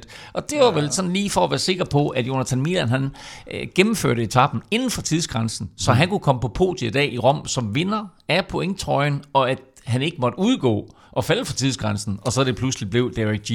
Så øh, Nej, jeg ægte, ikke, jeg ved om, italiensk Jeg ved ikke, om det lige var til ham, men jeg ved i hvert fald, at der var, der var der ret mange med de tider, de kørte i går, der, havde, der var røget ud, hvis det havde været 30 procent, som, som det normalt er.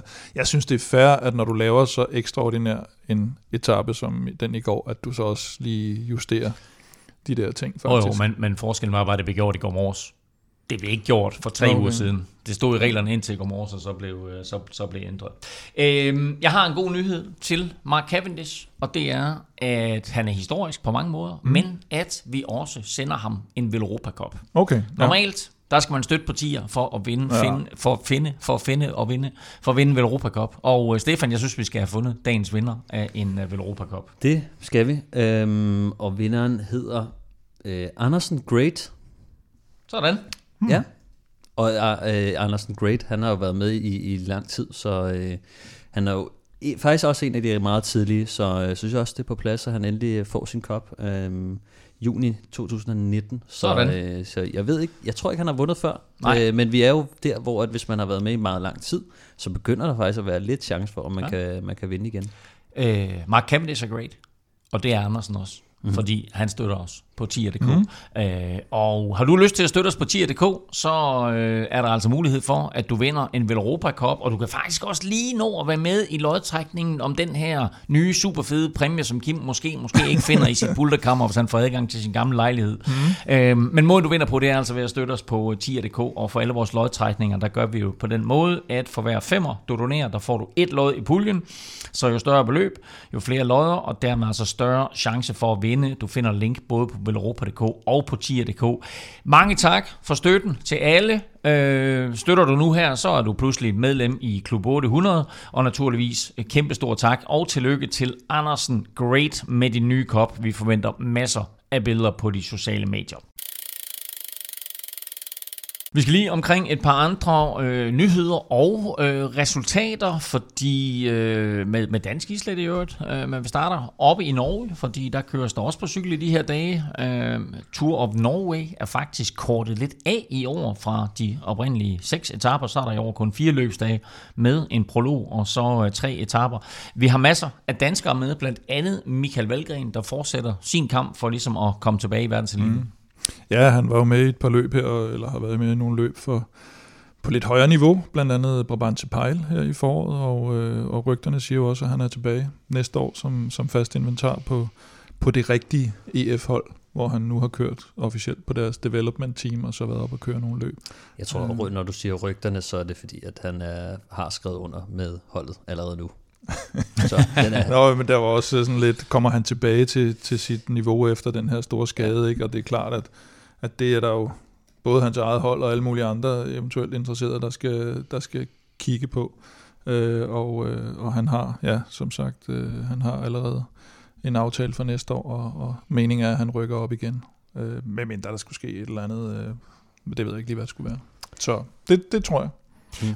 Masser, masser af danskere med, som sagt. Stefan, i Norge, hvordan har de klaret sig? Jamen, øh, jeg tror, at øh, det er jo de, de etapper, der er, der er jo selvfølgelig en, en prolog, øh, den første. Der øh, var ikke så mange danskere øh, med. Der er Ben Tollet fra, fra Ineos-holdet, der, øh, der vinder den og øh, fører stadig løbet. Øh, og Magnus Sheffield Plateau, som øh, jo har norske aner, så har man nok ja, ja, ja. glad for det op. Ja, Alexander Kamp bliver 10, ikke? Så, så okay. Ja, jeg øh, synes, ham øh, faktisk. For en, bjerg, Kamp, en bjergprolog er det ret godt klaret, synes jeg. Ja, han plejer ikke at være så god til at køre enkeltstarter, men, øh, men jeg tror, at øh, jeg tror, at når det kommer til at køre til det kuperede, øh, nu er han også øh, blevet rigtig glad for at køre, være på træningslejr, højt træningslejr og køre meget i bjerge, så, øh, så må han ikke også det er smittet lidt af, og, og vi, vi har jo set, at, at hans niveau og, og form er, er god i år. Øhm, ellers så synes jeg, at Tobias Lund øh, er nok øh, den, man, øh, den, man skal fremhæve for, øh, for sin øh, anden plads på, øh, på den her øh, første, første etape, øh, hvor at det bliver en meget, meget tæt spurt. Øh, det er jo en etape, som bliver forkortet øh, på grund af rigtig, rigtig dårligt vejr, og øh, de kommer så ind og spurt øh, om det til sidst, og det er Mike Tønnesen, der, øh, der ender med at vinde en meget, meget tæt spurt mellem øh, Mike Tønnesen, Tobias Lund, øh, der bliver toer, og så ham her, Jordi Meus fra... Mm. Øh, mm. Øh, Har vi talt om fra Mora. Øh, mm som, som også er, er super hurtig rytter. Så det viser lidt, at Tobias Lund han, han kan gå op og bide skære med, at det er så to uh, rimelig hurtige herrer. Han, uh, uh, hvad kan man sige, Jordi Meus, som er den her måske uh, næste topsprinter fra, fra Belgien. Uh, nu må vi lige se, hvordan hans udvikling er. Men, og så også uh, Mike Tønnesen, der har vundet en uh, masse spurt i Tour de France også, ikke? Uh, for, for nogle år tilbage. Så. Sniger, sniger masse spurt. Ja, men, ja men, øh, og, og havde vel den gule føretrøje en enkelt dag, jo. havde han ikke det? Yes. Ja. Så. Øhm, Tobias Lund blev to på første etape, og anden etape er faktisk lige færdigkørt, og der var han med frem igen, mm. men uh, kunne ikke fuldføre det. Han siger selv, at han blev lukket lidt, eller de, de, de mistede lidt, uh, hvad skal man sige, i spurten, uh, timingen, og, og bliver syver, stadigvæk uh, fin placering, men bliver vundet af, spurt. Ja, bliver vundet af Thibaut Nice, som uh, vi jo fik en lille insight om fra Mathias Skelmose sidst han var i studiet, at uh, ham skal vi nok til at holde lidt øje med i, i, i spurterne rundt omkring. Og uh, søn af Svend Nice, er det ikke den, ja. den gamle cross, cross konge, øh, konge i, i Belgien. Så, så han er jo egentlig også et godt bud måske på en, den, næste, den næste store belgiske sprinter. øh, og så, øh, hvad hedder det, Kamp fastholder sin 10. plads i klassementet, men der bliver ikke ændret så meget på det her. Altså prolog-resultatet er lidt ligesom også det resultat, vi har i dag. Og, øh, mm. Gør videre om ikke også det bliver det i, i længden. For, ja, så Tour of Norway føres lige nu af Ben Tollet, 5 øh, sekunder ned til Magnus Sheffield, og så altså med ham er Tibor Nice på, øh, på ja. tredjepladsen 23 sekunder efter, Kamp 10 og 36 sekunder efter. Og øh, vi har det endelige resultat af Tour of Norway i vores næste udsendelse på, ja, øh, sige, på onsdag. Det, det mest interessante næsten, og det er lidt synd for Tour of Norway, det var jo, at de havde reklameret ret stort med, at Egan Bernal kom til Norge. Mm. Det gjorde Egan Bernal så ikke. Nah. Øh, Ineos har så ikke så meget imod det, fordi de ligger 1 og 2, men, øh, men rygterne siger jo, at det er fordi Egan Bernal nu måske øh, planlægges ind i deres Tour de France hold. Øh, skal måske køre Dauphiné og så øh, Tour de France bagefter. Ah, så er der noget af en udvikling. Ja, og det var spændende, fordi øh, ja, altså han er jo på vej, jeg synes stadigvæk, han lidt er på vej tilbage ikke, fra, fra, mm. fra sin første og anden skadespause. Øh, og, øh, men det bliver spændende at se, hvis han kommer med, hvor, hvor står han henad i forhold til, til mange af de her også nye, eller nye og nye, men Pogacar og, og Vingegaard, der har efterfulgt ham i Tour de France, så kan han komme tilbage og være en del af det her Pogacar, Vingegaard, Remco. Ja, ja, men altså, prøv at høre, 2024 bliver en vild udgave. Ja, på nær covid. Uh, og vild udgave uh, af et løb, vi ikke taler så meget om. Det var der over i Estland også. Uh, I hvert fald set med danske øjne, fordi som jeg nævnte helt i starten af udsendelsen, så laver vi altså ikke en Velropa-podcast uden en dansk sejr. Og jeg skal da love for, at vi blev, blev ridet, Stefan, fordi uh, der, var, der var fuld podiebingo for Danmark i Estland. Ja, det må man sige. Altså, øh, det er jo det her Tour of Estland, eller Estonia, undskyld, øh, Tour of Estland.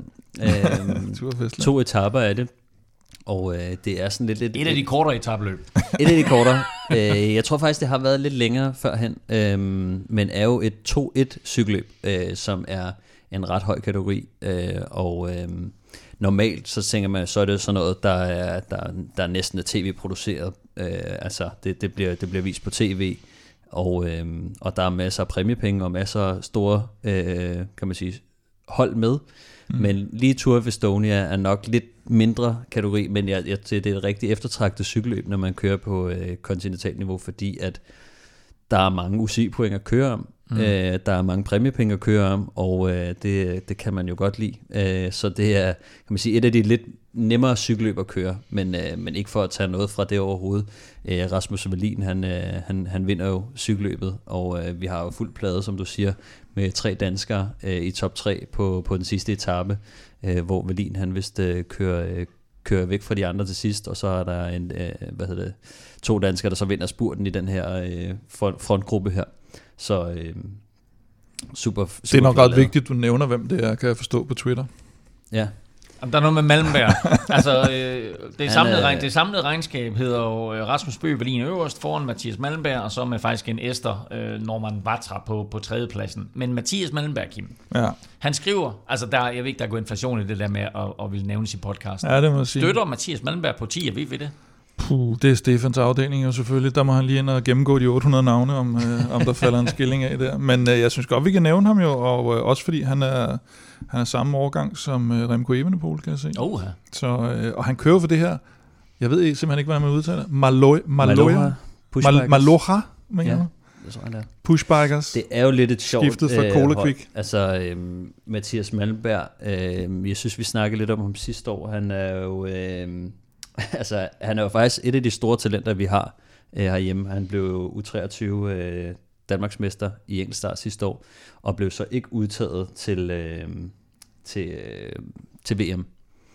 Og det var da sådan lidt mærkeligt, mm. øh, fordi at han måske var vores bedste bud, og han havde også lige vundet, nu skal jeg lige prøve at se, han havde vundet en etape nede i det, der hedder Flanders Tomorrow, som er et, øh, et ungdomsløb også. Det havde han vundet lige op til, og øh, der var sådan lidt snak om, hvad, hvad, hvad, hvad der galt med, med det. Altså, hvorfor mm. bliver han ikke udtaget til, til VM? Og øh, jeg hørte lidt om, at der var lidt mellem, mellem ham og, og, og landstræneren måske. Øhm, så det var, det var meget mærkeligt, og øh, jeg, jeg vil ikke sidde og, og fortælle så meget om, om lige den del. Men han ender jo så med, at... Han flygter fra Danmark?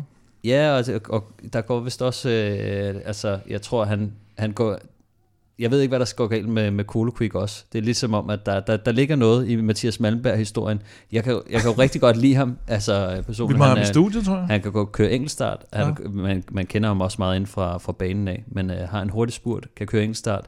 Meget interessant uh, rytter, synes jeg, som har vist uh, noget stort. Uh, men er sådan lidt uh, blevet efterladt uh, på, på den danske scene, synes jeg. Og nu har han så taget ned til det her tyske hold, øh, og er flyttet til Tyskland øh, og det er fordi, at der er en, der hedder, øh, hvad det hedder, Grassmann, der, der har det her Maloha-hold, øh, så det er en, en banerytter, som, øh, som har startet sit eget hold for, for nogle år siden, og, øh, og så har fået øje på, øh, på Mathias Malmberg og taget ham ind øh, på sit hold, så en, øh, en, en dansker med, med et stort potentiale, der begynder at vise noget. Jeg har hørt, at øh, nu kommer Malmberg, og nu skal man bare holde øje, så jeg synes også, det er lidt på tide, at han begynder at, at vise noget. Øh, men Jamen, ja, altså, men han er en, vi skal holde øje med. Tour de France 2024, det bliver fuldstændig vildt, ikke? altså, Pogacar, Egon, Jonas Remko. Og Malocha mm. Pushbikers. Og, og Malmberg. Men jeg synes også lige, vi skal nævne, øh, jeg ved ikke, det lød som om du sagde, at det var en, øh, en fra Estland, der blev, der blev 42 på, øh, på den. Nej, tre Han bliver tre sammenlagt. Nå, sammenlagt. Men mm. Mathias Larsen, øh, som også er holdkammerat med, med Rasmus Bøbelin, han bliver, øh, han bliver toer på, på, på sidste etape også, så det er der, vi har, øh, kan man sige... Må jeg ikke anbefale restaurant Sure i øvrigt, nu vi sidder? Nu har jeg været deroppe et par gange, og øh, ikke for, at vi skal gøre reklame, men det kan da, de må da gerne lægge nogle reklamekroner hos os. Men det er en god restaurant, hvis man er nær Holbæk. Ind og få en lille fisk, ind og få en lille fiskfilet derinde. Jeg hører en tur op til dit nye sommerhus. Det er rigtigt. Ikke? Og så et så- restaurantbesøg på Suri. Det, den er, det, det er Ja. sket før, vil jeg sige. Så triller vi en tur med masser af Malmberg. Ja, det er mindst. Så med der, Kim? Nej, jeg holder mig for cyklen. Jeg Mads tager, jeg tager fiskfileten. Er det så Lord Mads, øh, eller hvem? Det kan vi godt. En, bare en eller anden masse. Nå, de herrer. Ja. Ja. Nu skal vi have fundet vinderen i dagens quiz. Og vi er ude i en last man standing, som jo er super aktuel, nemlig hvor mange forskellige nationer har vundet mindst en etape i årets udgave af Giro d'Italia. Kim, du er bagud 12-8, du har serveretten. Vil du svare først, eller vil du lade Stefan svare først? Øh, jeg vil gerne lade Stefan svare først. Nå. Øh, må jeg spørge, hvor mange, hvor mange lande er I kommet på? Øh, jeg har øh, 10 sikre. Ja, Stefan? Øhm, det vil jeg ikke sige. Okay. Nå, men hvor mange... Spiller spillet. jeg siger til Nå, vil, I vide, hvor mange forskellige der er? Ja. Der er 12. Fuck. Godt så. Ej, hvordan kan der være Stefan, det? du jeg lægger ud. starter med øh, Danmark. Danmark er selvfølgelig korrekt. Ja. Ja. De vandt øh, 6. og 10. etape. Så tager jeg øh, Italien. Italien er også korrekt. Vil du nævne øh, de forskellige vindere? Øh, Filippo Sana, Jonathan Milan, mm. Davide Beis. Ja, det er rigtigt, ja. Er du flere? Alberto Dainese. Gud, ja, ham havde jeg lige glemt. Øh, Slovenien har også vundet en enkelt, en enkelt etape. Det er fuldstændig korrekt. Hvilken en til gengæld? Nummer Hvilken 20. en? Hvilken sejr? Ja, Øh, jeg tager Tyskland. korrekt. Vil du nævne dem? Nico Dens og Pascal Ackermann. Ja, du er skarp. Korrekt. Mm-hmm. Densen, der er to sejre. Øhm, USA, Yes, McNulty, korrekt. som du lige kom til at afsløre for os på et tidspunkt. Så tager jeg øh, Belgien. Belgien, ja. Hvem har du der? Remco Evenepoel. Ja, andre? Det kan jeg ikke huske. Nej, det er der ikke. Så tager jeg øhm, Portugal. Portugal, si, si, si, si. En enkelt etape sejr blev det til til Joel Miller på 16. etape. Den havde du ikke. Satans. Se, du så et blik fra Kim her. Jo, jo, jo, jo. Jeg tager...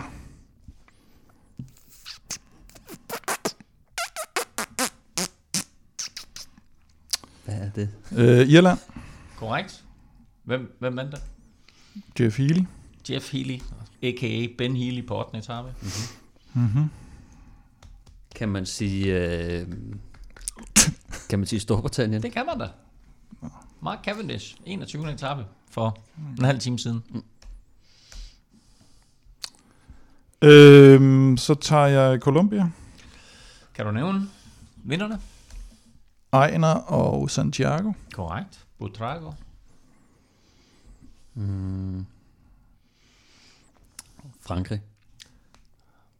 Er et godt skud? Eller hvad? Det er hans Nej, svar. nej, det er svar. Ja, ja, ja, fint. Og, og hvem var det? Øh,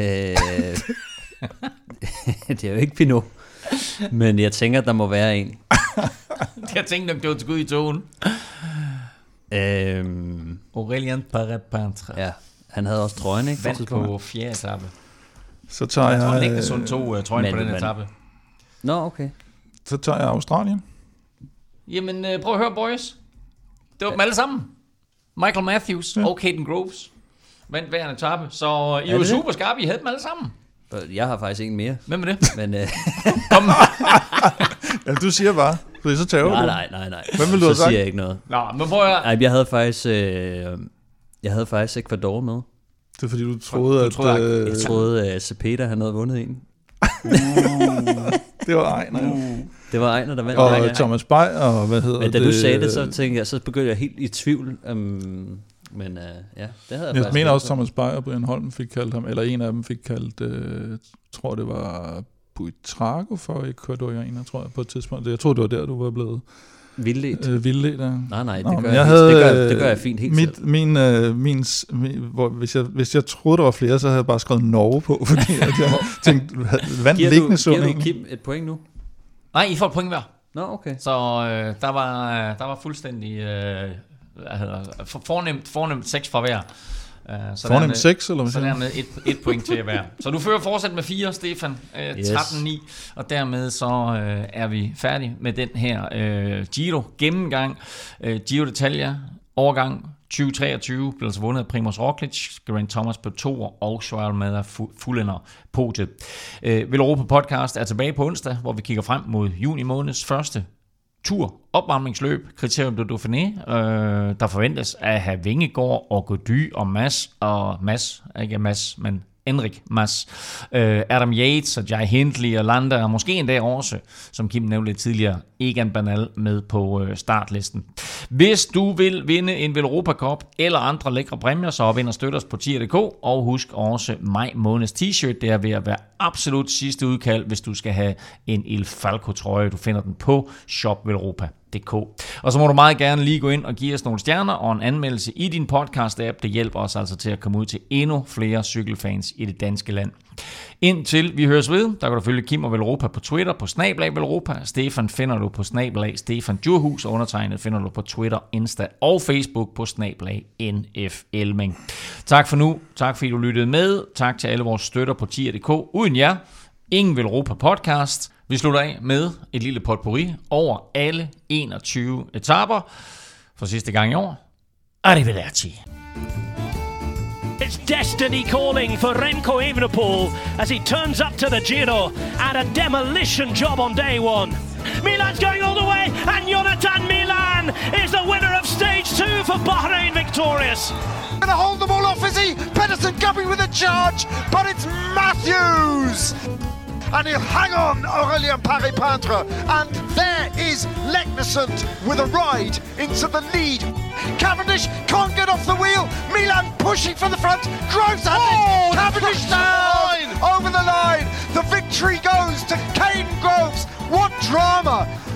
Pedersen, Pedersen, Pedersen all the way. Pedersen takes the win. And Trek Segafredo pull off the gamble of the Giro. Unbelievable another famous Italian monumental climb. They have done it once more, this time with Davide Baez. Hats off, the master of the Gran Sasso. It's a question of hello, Healy. He has arrived at the Giro. Close. Oh! It's so oh! close. It's a fraction. One it's second. one tiny second. Remco Evenepoel takes the stage. Magnus Cort, a winner of stages at the Vuelta, a winner of stages at the Tour de France, comes to the Giro, and now finally completes the set. Magnus Cort, the winner here in Viareggio. Cavendish, Pedersen, Milan with a charge. Oh, oh Milan gets there. Finish. Milan gets there, I think. The photo big. finish. Ackerman, Ackerman gets there. Nico Dentz, the big man from Germany, the powerhouse, the biggest moment of his career. Dentz gets it done in style, in Rivoli. Star have got their win in the most unexpected fashion. Aina Rubio take a bow. That came from nowhere. G is coming with a lunch. Derek G, Nico Dent. Oh, oh, oh, I'm not sure. Dent gets it. Healy's still trying to respond. McNulty takes it. McNulty, a Grand Tour stage winner for the first time in his career. A masterclass from Brandon McNulty. Joao is going to take the win. A fantastic performance from the white jersey and from Geraint Thomas, who'll be in pink at the end of the day. Dainese and Milan! That is tight over the line. Tight. Dainese and Milan. Too hard to call. Yes! yes he's got it. Alberto Dainese. Filippo Zana for Italy takes the victory here. And Pino, after all that, is beaten once more at the Giro. Hats off to Filippo Zana. What a stellar performance from the Italian national champ. But that was a masterclass by Santiago Butrago. Smart and strong. And at the Giro d'Italia, it's win number two for Buitrago. Everything matters here for Roglic. 44-23, and now we know what Geraint Thomas has to do. Geraint Thomas looks exhausted. He'll be second in the Giro d'Italia. The pink jersey goes to Primoz Roglic. Extraordinary. It's going to be a fairy tale. Mark Cavendish, the greatest of all time, sprints to victory again. And behind, all hail, Roglic of Rome. Bye.